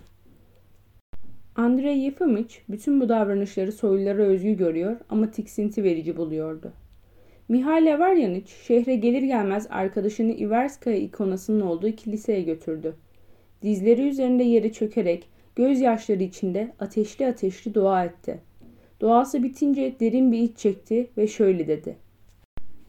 İnanmasan da azıcık dua edince huzur buluyorsun. İkonayı öp değerli dostum. Andrei Yefimiç kafası karışmış bir halde ikonayı öptü. Mihail Averyaniç ise dudaklarını büzdü başını sallayarak fısıltıyla dua etmeye başladı. Yine gözlerinden yaşlar akıyordu. Daha sonra Kremlin'e giderek çar topuna ve çarşanına baktılar. Hatta parmaklarıyla dokundular. Zomos Kvoroçya manzarasının keyfini çıkardılar. Kurtarıcı İsa Katedrali'ni ve Rumyan Sevi Müzesi'ni ziyaret ettiler. Dipnot Zamos Kvoroçya Kremlin'in güneyine doğru Moskova Nehri'nin sağ tarafında kalan bölge. Testov'da öğle yemeği yediler. Dipnot Testov dönemin önde gelen restoranlarından biri. Mihail Averyaniç favorilerini okşayarak menüye uzun uzun baktı. Restoranlarda kendini evindeymiş gibi hissetmeye alışmış, boğazına düşkün bir adamın ses tonuyla şöyle dedi. Bakalım bizi bugün neyle doyuracaksın sevgili melek? Doktor dolaşıyor, etrafa bakınıyor, yemek yiyor, bir şeyler içiyor. Ancak Mihail Averyaniç'e karşı hissettiği öfke geçmek bilmiyordu. Arkadaşıyla görüşmeyi biraz ara vermek, ondan uzaklaşmak, saklanmak istiyordu. Arkadaşı ise onun yanından bir adım bile ayırmamayı, mümkün olduğunca eğlendirmeyi kendine görev edinmişti. Etrafta izleyecek bir şey olmadığında dostunu sohbet ederek eğlendirmeye çalışıyordu. Andrei Yefimiç bu duruma iki gün dayanabildi. Üçüncü gün arkadaşının hasta olduğunu ve dışarı çıkmak istemediğini bildirdi. Mihail Averyaniç ise bu durumda onunla beraber kalacağını söyledi. Zaten dinlenmeleri gerekiyordu. Tabanları patlamıştı. Andrei Yefimiç yüzü arkalığa dönük kanepeye uzanmış, kendisini Fransa'nın er ya da geç kaçınılmaz bir şekilde Almanya'yı yeneceğine, Moskova'da birçok dolandırıcı olduğuna, bir atın değerinin dış görünüşünden anlaşılamayacağına hararetle yandırmaya çalışan arkadaşını dişlerini sıkarak dinliyordu. Doktorun kulakları uğuldamaya, kalbi çarpmaya başladı. Ancak kibarlığından ötürü arkadaşından gitmesini ya da biraz susmasını rica etmeye cesaret edemedi. Neyse ki Mihail Everyaniç otel odasında oturmaktan sıkıldı, öğle yemeğini yedikten sonra dolaşmaya çıktı. Yalnız kalır kalmaz Andrei Yefimiç kendini rahatlamış hissetti. Kanepenin üzerinde hareket etmeden uzanmak ve odada tek başına olduğunun bilincine varmak ne hoştu. Yalnız kalmadan hakiki mutluluğu bulmak mümkün değildi. Gökten düşen melek muhtemelen diğer meleklerin henüz tatmadığı o yalnızlık duygusunu arzuladığı için Tanrı'ya ihanet etmişti. Andrei Yefimiç son günlerde gördüğü ve duyduğu şeyler hakkında düşünmek istiyordu. Ama Mihail Averyaniç bir türlü aklından çıkmıyordu. Adam muhtemelen dostluğu ve yüce gönüllülüğü yüzünden izin alıp benimle yola çıktı diye içinden geçiriyordu canı sıkkın bir halde. Bu dost nezaretinden daha kötü bir şey yok. Görünüşte iyi yürekli, yüce gönüllü, cap canlı bir adam ama can sıkıyor işte. Hem de tahammül edilemeyecek derecede. Her zaman yalnızca akıllıca ve güzel sözler söyleyen, ancak aptal olduğunu hissettiğiniz insanlar gibi tıpkı. Sonraki günlerde Andrei Yefimiç hasta numarası yaparak odasından dışarı çıkmadı. Arkadaşı onu sohbet ederek eğlendirmeye çalıştığı zamanlar arkasını dönerek kanepede uzanıyor, bunalıyordu. Arkadaşı odada olmadığı zamanlarda ise dinleniyordu. Seyahate çıktığı için kendine, günden güne daha geveze, daha lavali olduğu için de arkadaşına sinirleniyordu. Düşüncelerini daha ciddi ve yüksek konularda toplamayı bir türlü beceremiyordu. Kendi önemsizliğine sinirlenerek Ivan Dimitriç'in bahsettiği beni ele geçiren gerçeklik işte bu diye düşünüyordu. Neyse saçmalık işte. Eve döndüğümde her şey eskisi gibi olacak. Petersburg'da da durum değişmemişti. Gün boyu odasından dışarı çıkmamış, kanepenin üzerinde uzanmış ve sadece bire içmek için yerinden kalkmıştı. Mihail Everyaniç Varşova'ya gitmek için sürekli acele ediyordu. Andrei Yefimiç, sevgili dostum diyordu yalvarırcasına. Neden Varşova'ya gideyim ki? Siz tek başınıza gidin. Bırakın da evime gideyim. Sizden rica ediyorum. Mihail Everyaniç şiddetle karşı çıkıyordu. Hayatta olmaz. Varşova muazzam bir yer. Orada hayatımın en mutlu beş senesini geçirdim ben. Andrei Yefimiç'in duruma karşı koyacak gücü yoktu. Bu yüzden istemeye istemeye Varşova'ya gitti. Burada da otelden çıkmadı, kanepenin üzerinde uzandı, kendine, arkadaşına ve inatla Rusça anlamayı reddeden hizmetkarlara sinirlendi durdu. Sağlıklı, hayat dolu ve neşeli Mihail Averyan ise alışılageldiği üzere sabahtan akşama kadar şehirde dolaştı ve eski tanıdıklarını arayıp durdu. Birkaç geceyi dışarıda geçirdi. Nerede olduğu bilinmeyen gecelerin birinde sabahın kör vakti oldukça heyecanlanmış, kıpkırmızı ve saçı başı dağılmış bir halde otele döndü. Kendi kendine bir şeyler mırıldanarak epey bir süre odanın içinde bir köşeden diğerine yürüyüp durduktan sonra şöyle dedi. Şeref her şeyden önemlidir. Biraz daha yürüdükten sonra başını ellerinin arasına aldı ve acıklı bir sesle şöyle dedi. Evet, şeref her şeyden önemlidir. Bu Babil ülkesine seyahat etmenin aklıma ilk geldiği o ana lanet olsun. Doktora dönerek, değerli dostum, beni dilediğiniz gibi hor görün. Kumarda kaybettim. Bana 500 ruble verin. Andrei Yefimiç 500 ruble saydı ve sessizce arkadaşına verdi. Utancından ve öfkesinden daha da mosmor olan arkadaşı tutarsız ve gereksiz bir takım yeminler etti, kasketini takarak dışarı çıktı. Yaklaşık iki saat sonra döndüğünde kendini bir koltuğa bıraktı, yüksek sesle iç çekerek şöyle dedi. Şerefimi kurtardım. Hadi gidelim dostum. Bu lanet şehirde bir dakika bile geçirmek istemiyorum. Dolandırıcılar, Avusturya casusları. İki arkadaş kasabalarına döndüklerinde çoktan Kasım'a gelmişti. Sokaklarda kalın bir kar tabakası vardı. Doktorun hastanedeki yerini Hobotov almıştı. Andrei Yefim için gelip hastaneye ait lojmanını boşaltacağı ümidiyle hala eski dairesinde kalıyordu. Aşçısı olarak tanıttığı çirkin kadın ek binalardan birine yerleşmişti bile. Kasabada hastane hakkında yeni dedikodular dolaşmaktaydı. Söylediklerine göre çirkin kadın hastanenin idare amiriyle tartışmış, idare amiri de güya kadının önünde diz çökerek af dilemişti. Andrei Yefimiç seyahatten döndüğü ilk gün kendine yeni bir ev aramak zorunda kaldı. Postane müdürü çekinerek doktora, dostum dedi. Bu nezaketsiz sorum için kusuruma bakmayın. Ne kadar paranız var? Andrei Yefimiç usulca paralarını saydı. 86 ruble. Doktorun söylediğini anlamayan Mihail Everyanık canı sıkılmış bir halde onu sormuyorum dedi. Toplamda kaç paranız olduğunu soruyorum. Söylüyorum işte toplam 86 ruble. Başka hiçbir şeyim yok. Mihail Averyaniç doktoru dürüst ve düzgün bir insan olarak görüyordu. Ancak yine de en azından 20 bin kadar bir ana paraya sahip olduğunu sanıyordu. Şimdi ise Andrei Yefimovic'in yoksul düştüğünü, geçimini sağlayacak kadar bile parasının kalmadığını öğrenince nedense aniden ağlamaya başladı ve arkadaşına sarıldı. Andrei Yefimovic, Belova adında orta sınıftan bir kadının üç pencereli küçük evine yerleşti. Bu küçük evde mutfağı saymazsanız yalnızca üç oda bulunuyordu. Pencereleri sokağa bakan odalardan ikisinde doktor kalıyor, üçüncü oda ve mutfaktaysa Daryushka ve üç çocuğuyla ev sahibesi yaşıyordu. Belova'nın ayyaş bir köylü olan aşığı da arada sırada yatmak için eve geliyor, geceleri esip gürleyerek çocuklara ve Daryushka'ya dehşet saçıyordu. Adam eve gelip de mutfağa geçerek vodka istemeye başladığı zaman ev halkı tedirgin oluyordu. Doktor ağlayan çocukları acıdığından da odasında yerde yatırıyor ve bu ona büyük bir keyif veriyordu. Eskisi gibi sabahları saat 8'de kalkıyor, çaydan sonra eski kitaplarını ve dergilerini okumaya koyuluyordu. Yenilerini almak için artık parası yoktu. Kitapların eski olmasından mı yoksa koşullarının değişmesinden mi bilinmez okumak artık onu derinlemesine sarmıyor, yoruyordu. Vaktini boş boş geçirmemek adına kitapları hakkında detaylı bir katalog yaptı, üzerlerine etiketler yapıştırdı. Bu mekanik ve zahmetli iş ona okumaktan daha ilginç geliyordu. Bu tek düze ve itina isteyen iş nedense anlaşılmaz bir sebeple düşüncelerini yatıştırıyor, hiçbir şey düşünmüyor, zaman hızla akıp gidiyordu. Mutfakta durup Daryuşka ile beraber patates soymak ya da kara buğday tanelerini ayıklamak bile ona ilginç geliyordu. Cumartesi ve pazar günleri kiliseye gitmeye başladı. Duvarın yanında dikilip gözlerini kısarak ilahileri dinliyor, babasını, annesini, üniversiteyi, dinleri düşünüyordu.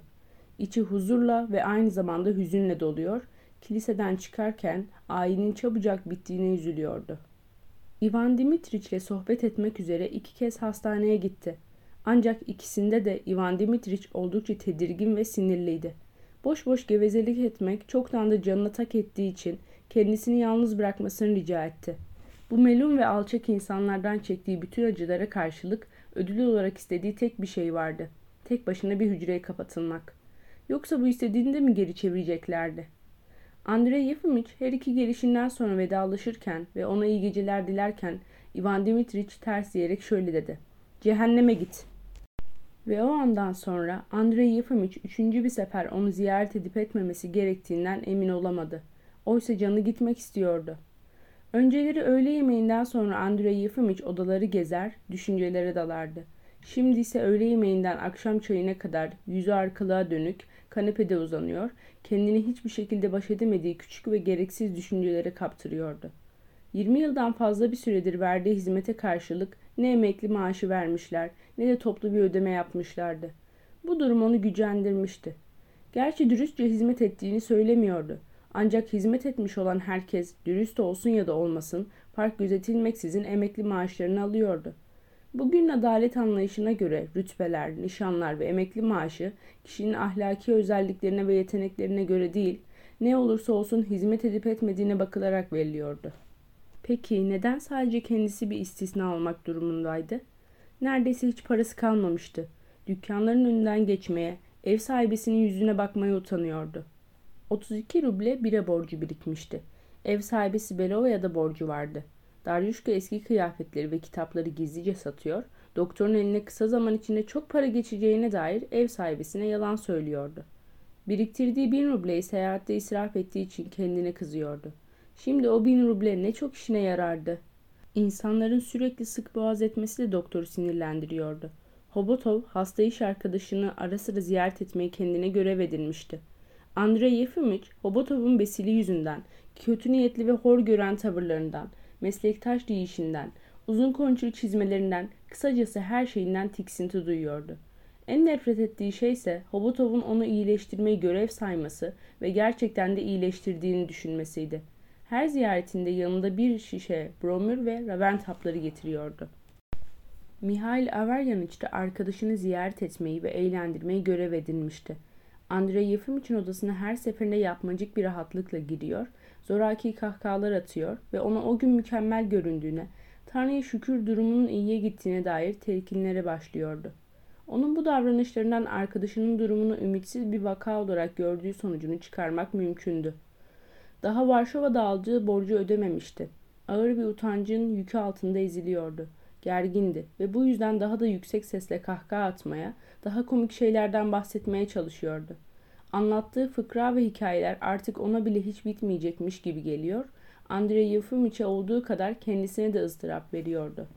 Arkadaşı geldiği zamanlar Andrei Yefimovic yine her zamanki gibi yüzü arkaya dönük kanepede uzanıyor, dişlerini sıkarak onu dinliyordu. Ruhunda tabaka tabaka pislik birikiyor, arkadaşın her ziyaretinden sonra bu pisliğin daha da yükselerek neredeyse boğazına kadar geldiğini hissediyordu. Bu önemsiz duygularını bastırabilmek için hem kendisinin hem Hobotov'un hem de Mihail Averyan için doğada hiçbir iz bırakmadan er ya da geç yok olup gideceklerini düşünmeye çabalıyordu. Bir milyon yıl sonra dünyanın etrafındaki boşlukta herhangi bir ruh uçacak olsa sadece çamur ve çıplak kayalıklardan başka bir şey göremeyecektir. Kültür, ahlak kuralları her şey ortadan kalkacak, laboratuvar bile yetişmeyecektir. Dükkan sahibinin önünde hissettiği utancın, değersiz Hobotov'un, Mihail Averyan için yorucu dostluğunun ne anlamı vardı ki? Bunların hepsi önemsiz ve saçmaydı. Ancak böyle düşüncelerin de artık yardımı dokunmuyordu. Dünyayı bir milyon yıl sonra hayal edecek olsa, çıplak kayalıkların ardından uzun konçlu çizmeleriyle belirlen Hobotov'u ya da zoraki kahkaha atan Mihail Averyanic'i görecek gibi oluyor. Dahası adamın utana sıkıla Varşova'da aldığım borcu dostum şu sıralar vereceğim. Kesinlikle vereceğim diye fısıldadığını duyuyordu. Bir keresinde Mihail Averyaniç öğle yemeğinden sonra Andrei Yefimic'in kanepede uzandığı bir vakit geldi. Öyle ki aynı anda elinde bromür şişesiyle Hobotov da belirdi. Andrei Yefimiç ağır ağır yerinden kalktı, kanepeye kollarını dayayarak oturdu. Mihail Averyaniç, sevgili dostum diye söze başladı. Bugün yüzünüzün rengi dünden çok daha iyi. Aferin size. Vallahi aferin. Artık iyileşmenin vakti geldi meslektaşım dedi Hobotov esneyerek. Bu sürüncemeden sanırım siz de bıktınız.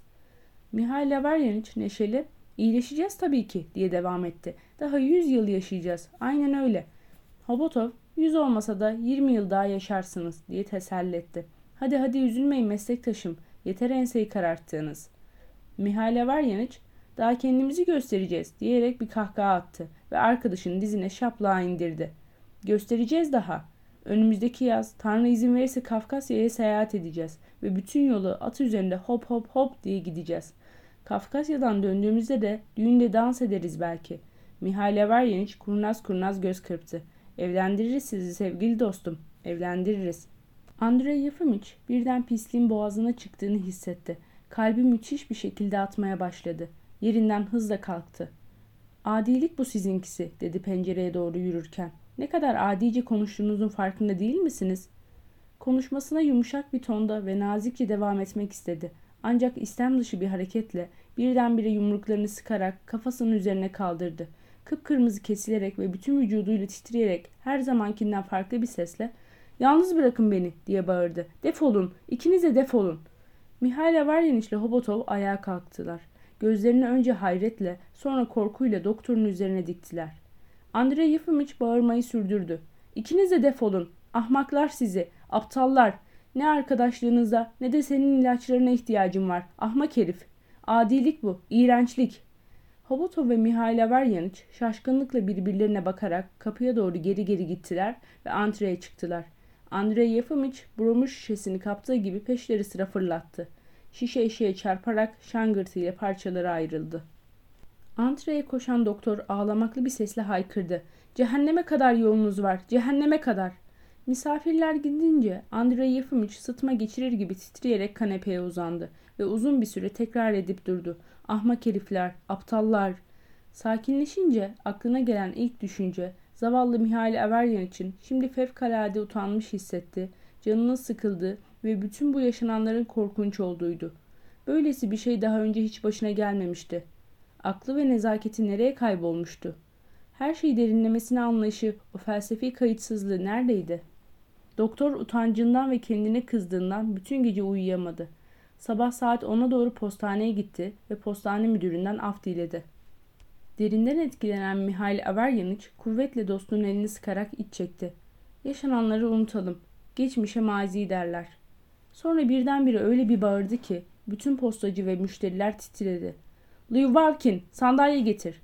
O sırada taaddütlü bir mektubu gişeden uzatmaya çalışan bir kadına da sen de bekle diye bağırdı. Meşgul olduğumu görmüyor musun? Andrei Yefimiç'e dönerek kibarca devam etti. Geçmişi düşünmeyelim. Rica ederim oturun sevgili dostum. Bir dakika boyunca susarak oturdu, dizlerini okşadı, daha sonra şöyle dedi. Size darılmak aklımdan bile geçmedi. Hastalık şakaya gelmez anlıyorum. Dünkü galeyanınız doktorla beni korkuttu. Daha sonra sizin hakkınızda uzun uzun konuştuk. Sevgili dostum, neden hastalığınızla ciddi bir şekilde ilgilenmek istemiyorsunuz? Olacak şey mi? Sesini iyice alçaltmıştı. Bu arkadaşça açık sözlülüğüm için kusuruma bakmayın. Çok kötü koşullar altında yaşıyorsunuz. Yeriniz daracık, pis, ardınızı kimse toplamıyor. Tedavi olmak için paranız yok. Sevgili dostum, doktorla birlikte size bütün kalbimizle yalvarıyoruz. Ne olur tavsiyemize kulak verin. Hastaneye yatın. Orada hem sağlıklı yiyecekler, hem bakım, hem de tedavi var. Yevgeni Fedoriç aramızda kalsın ahman teki olsa da bilgili bir doktordur. Ona tamamen güvenebilirsiniz. Sizinle ilgileneceğine dair bana söz verdi. Andrei Yefimiç, postane müdürünün içten ilgisini ve yanaklarında aniden pırıldamaya başlayan gözyaşlarını görünce derinden etkilendi. Elini kalbine bastırarak mırıldandı. İnanmayın onları sayın dostum, inanmayın. Yalan hepsi. Benim hastalığım 20 yıl içinde bütün kasabada tek bir akıllı adam bulabilmemdir. Ama o da bir deli. Ortada hiçbir hastalık yok. Yalnızca çıkışı olmayan bir kısır döngünün içine düştüm. Hiçbir şey umurumda değil. Her şeyi hazırım. Hastaneye yatın sevgili dostum. Umurumda değil dedim ya. Çukura bile yatarım. Söz verin sevgili dostum. Yevgeni Fedoriç ne derse dinleyeceksiniz. Rica ederim, söz veriyorum. Ancak tekrar ediyorum sayın dostum. Bir kısır döngünün içine girdim ben. Şimdi her şey arkadaşlarımın içten ilgisi bile beni tek bir şeye, ölümüme götürüyor. Ölüyorum ve bunun bilincinde olma cesaretine sahibim. Dostum, iyileşeceksiniz. Andrei Yefimiç sinirlenmişti. Neden böyle söylüyorsunuz? Hayatının sonuna gelmiş çok az insan benim şu an yaşadığım şeyleri yaşamıştır. Size böbrekleriniz iyi çalışmıyor, kalbinizde büyüme var gibi şeyler söylediklerinde doğal olarak tedaviye başlarsınız. Deli ya da bir suçlu olduğunuzu söylediklerinde ya da kısacası etrafınızdaki insanların ilgisi bir anda üzerinizde yoğunlaşmaya başladığında bilin ki artık çıkışı olmayan bir kısır döngünün içine düşmüşsünüz demektir. İçinden çıkmaya çalışsanız da daha fazla kaybolacaksınız. Bu durumda pes edin. Zira hiçbir insani çaba sizi bu durumdan kurtaramayacaktır. En azından ben böyle düşünüyorum. Bu sırada gişenin önünde bekleyen insan sayısı artmıştı. Arkadaşın içine daha fazla engel olmamak için Andrei Yefimiç ayağa kalkıp vedalaştı. Mihail Averyaniç tekrar dürüstçe söz vermesini rica etti ve doktora dış kapıya kadar eşlik etti. Aynı gün akşam üzeri Hobotov beklenmedik bir şekilde gocu ve uzun konçlu çizmeleriyle Andrei Yefimiç'in evinde belirdi. Dün sanki hiçbir şey yaşanmamış gibi şöyle dedi. Size bir iş için uğradım meslektaşım. Sizi çağırmaya geldim. Benimle konsültasyona gelir misiniz? Hobotov'un onu gezintiye çıkararak neşesini yerine getirmeye çabaladığını ya da aslında biraz para kazandırmak istediğini düşünen Andrei Yefimiç giyindi. Beraber sokağa çıktılar. Dünkü kabahatin telafi edebileceği ve Hobotov'la barışabileceği bu fırsata sevinmişti. Dünkü olayın sözünü dahi etmeyen ve belli ki ona acıyan Hobotov'a yürekten minnettardı. Bu kültürsüz adamdan böylesi bir nezaket beklemek güçtü. Hastanız nerede peki diye sordu Andrei Yefimiç. Benim orada hastanede size çoktandır göstermek istiyordum. Şimdiye kadar karşılaştığım en ilginç vaka. Hastane avlusuna girdiler. Ana binayı geçtikten sonra akıl hastalarının bulunduğu ek binaya doğru yöneldiler. Nedense bu süre boyunca konuşmadılar.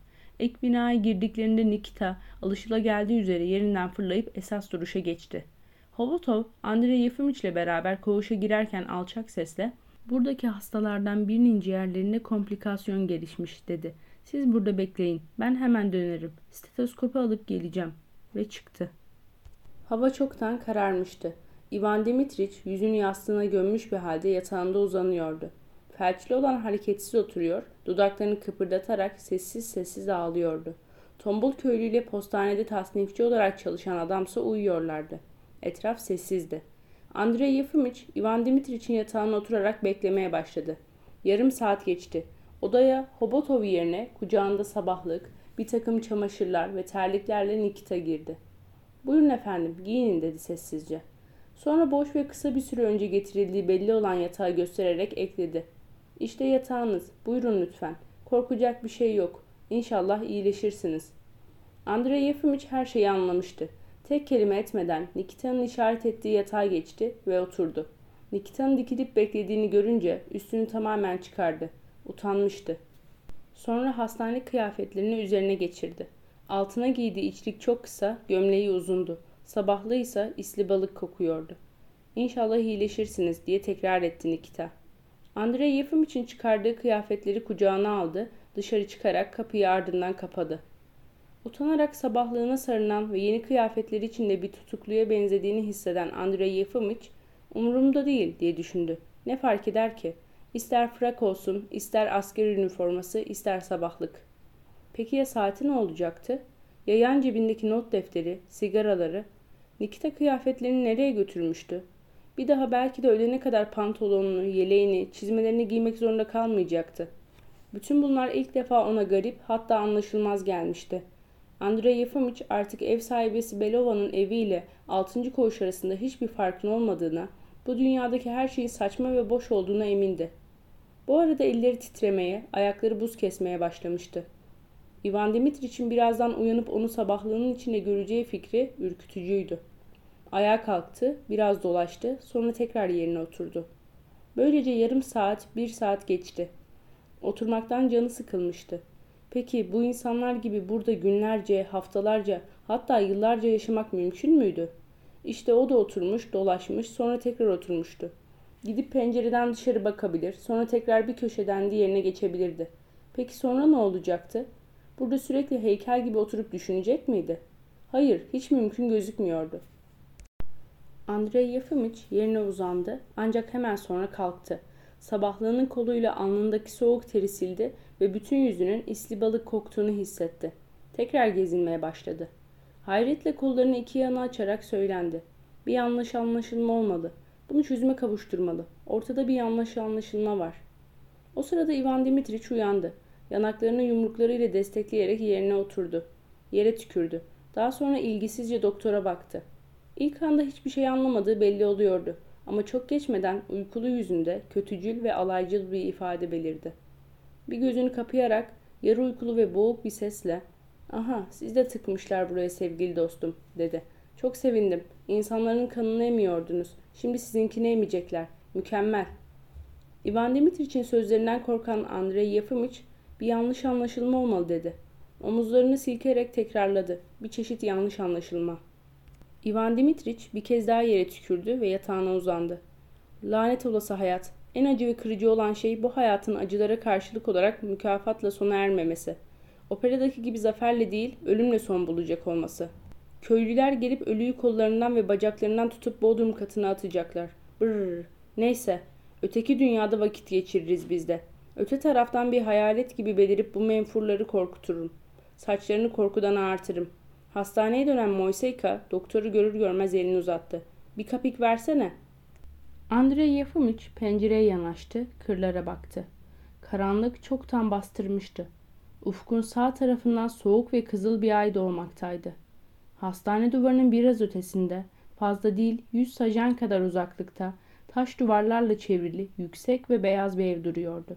Dipnot sajan, 2.16 metreye denk gelen eski bir Rus uzunluk ölçüsü birimi.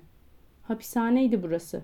Andrei Yefimiç işte gerçeklik bu diye düşündü ve korktu. Ay, hapishane, çitlerdeki çiviler, kemikleri kömüre çeviren fabrikanın uzakta parıldayan alevleri de korkunç gözüküyordu.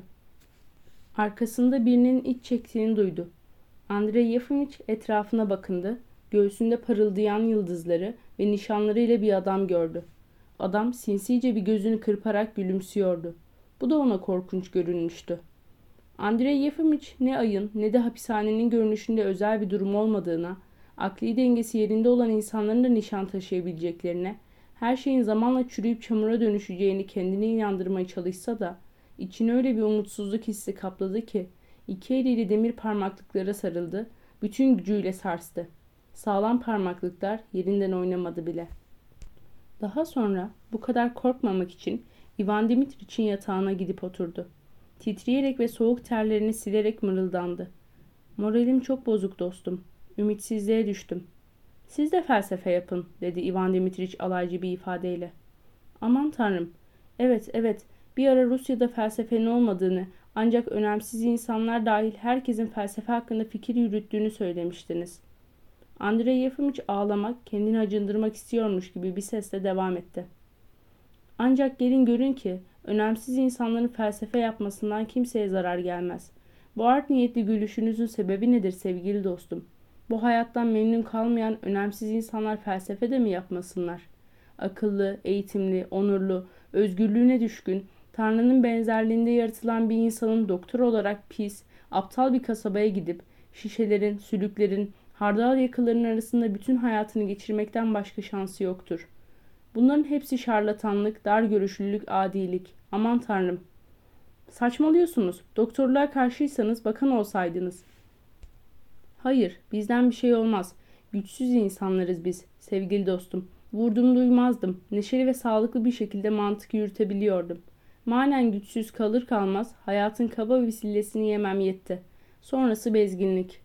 Güçsüzüz biz, zavallı yaratıklarız. Siz de öylesiniz. Sevgili dostum, zekisiniz, cömertsiniz, annenizin sütünden iyi dürtüler emmişsiniz. Ancak hayata adımınızı atar atmaz yorgun ve hasta düşmüşsünüz. Güçsüzüz biz, güçsüz. Akşamın karanlığıyla birlikte korku ve gücenme duygusunun dışında başka bir tedirgin edici duygu daha Andrei Yefimiç'e sıkıntı veriyordu. Sonunda canının bira ve sigara içmek istediğini fark etti. Biraz dışarı çıkacağım sevgili dostum. Buraya biraz ışık getirmelerini söyleyeceğim. Ben böyle yapamam, dayanamam. Andrei Yefimiç kapıya doğru yöneldi. Kapıyı açar açmaz Nikita yerinden fırlayarak yolunu kesti. Nereye gidiyorsunuz? Olmaz, çıkamazsınız. Şimdi uyku vakti. Andrei Yefimiç şaşkına döndü. Sadece bir dakikalığına avluda dolaşacağım. Olmaz, çıkamazsınız, yasak. Siz de biliyorsunuz bunu. Nikita kapıyı doktorun yüzüne çarptı ve kapıya yaslandı. Andrei Yefimiç omuzlarını silkeleyerek sordu. Buradan çıkacak olsam kime ne? Anlamıyorum ki. Sesi titremeye başlamıştı. Nikita, çıkmam lazım. Çıkmam lazım diyorum. Nikita öğüt verir gibi bir tavırla düzeni bozmayınız dedi. Bu iyi bir şey değil. Ivan Dimitriç yerinden fırlayarak bağırdı. Bu da ne demek şimdi? Ne hakkı dışarı salmaz? Bizi burada tutmaya nasıl cüret ederler? Hüküm giymeden kimsenin özgürlüğünden mahrum bırakılmayacağı kanunda açık bir şekilde yazılı. Zorbalık bu. Keyfi hareket ediyorlar. Ivan Dimitriç'in bağırmasından cesaret bulan Andrei Yefimiç, tabii ki keyfi hareket dedi. Çıkmam lazım, çıkmak zorundayım. Buna hakkı yok. Bırak beni, sana diyoruz. Ivan Dimitriç kapıyı yumruklayarak bağırdı.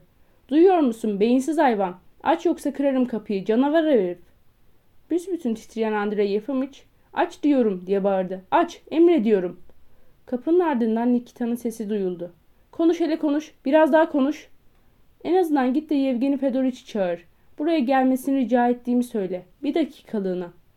Yarın gelir kendisi. Bu arada Ivan Dimitriç sözlerini sürdürüyordu. Bizi buradan hiç salmayacaklar. Çürütecekler bizi burada. Tanrım, öbür dünyada cehennem gerçekten yok mu? Bu alçaklar yaptıklarından ötürü bağışlanacak mı?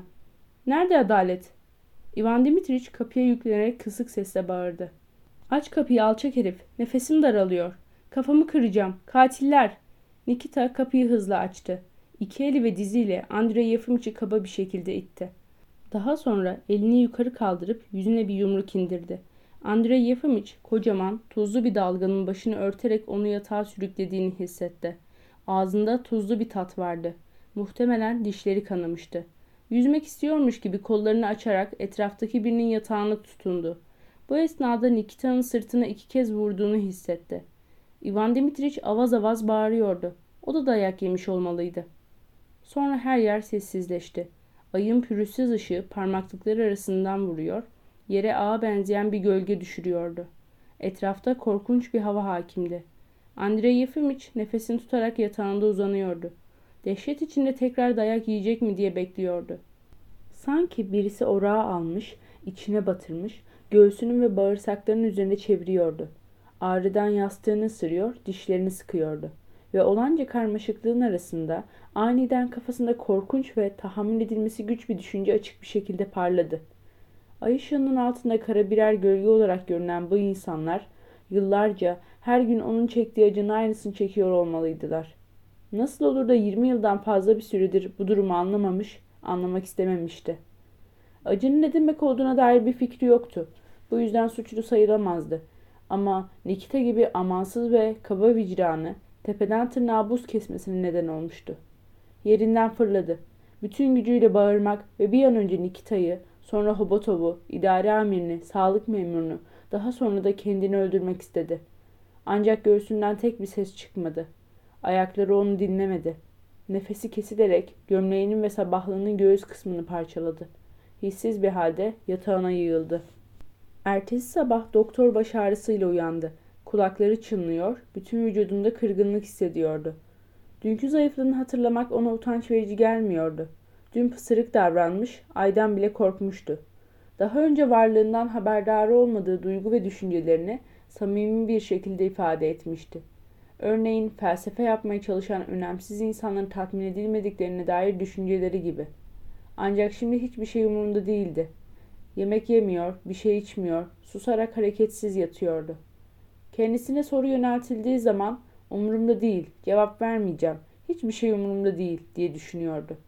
Öğleden sonra Mihail Averyaniç geldi. Bir paket çayla bir kavanoz marmelat getirdi. Daryushka da gelmiş bir saat boyunca yatağın yanında dikilerek yüzünde donuk bir kederli ifadeyle onu izlemişti. Doktor Hobotov da ziyarete gelenler arasındaydı. O da bir şişe bromür getirmiş, Nikita'ya koğuşta bir şeyler tütsülemesini emretmişti. Akşama doğru Andrei Yefimovich felç geçirerek öldü. İlk başta bütün vücudunu saran bir titremeyle mide bulantısı duydu. Sanki iğrenç bir şey parmakları dahil bütün vücuduna nüfuz etmiş, midesinden başına kadar yayılmış, gözlerinin ve kulaklarının içine akmıştı. Gözlerinin önündeki her şey yemyeşildi.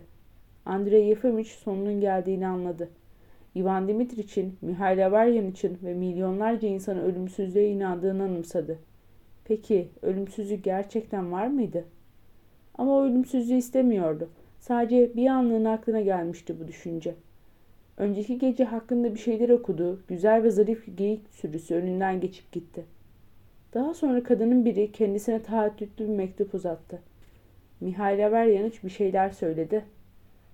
Sonra her şey kayboldu ve Andrei Yefimich sonsuza kadar maziye gömüldü. Köylüler gelip doktora ellerinden ve ayaklarından tutarak şapele götürdüler.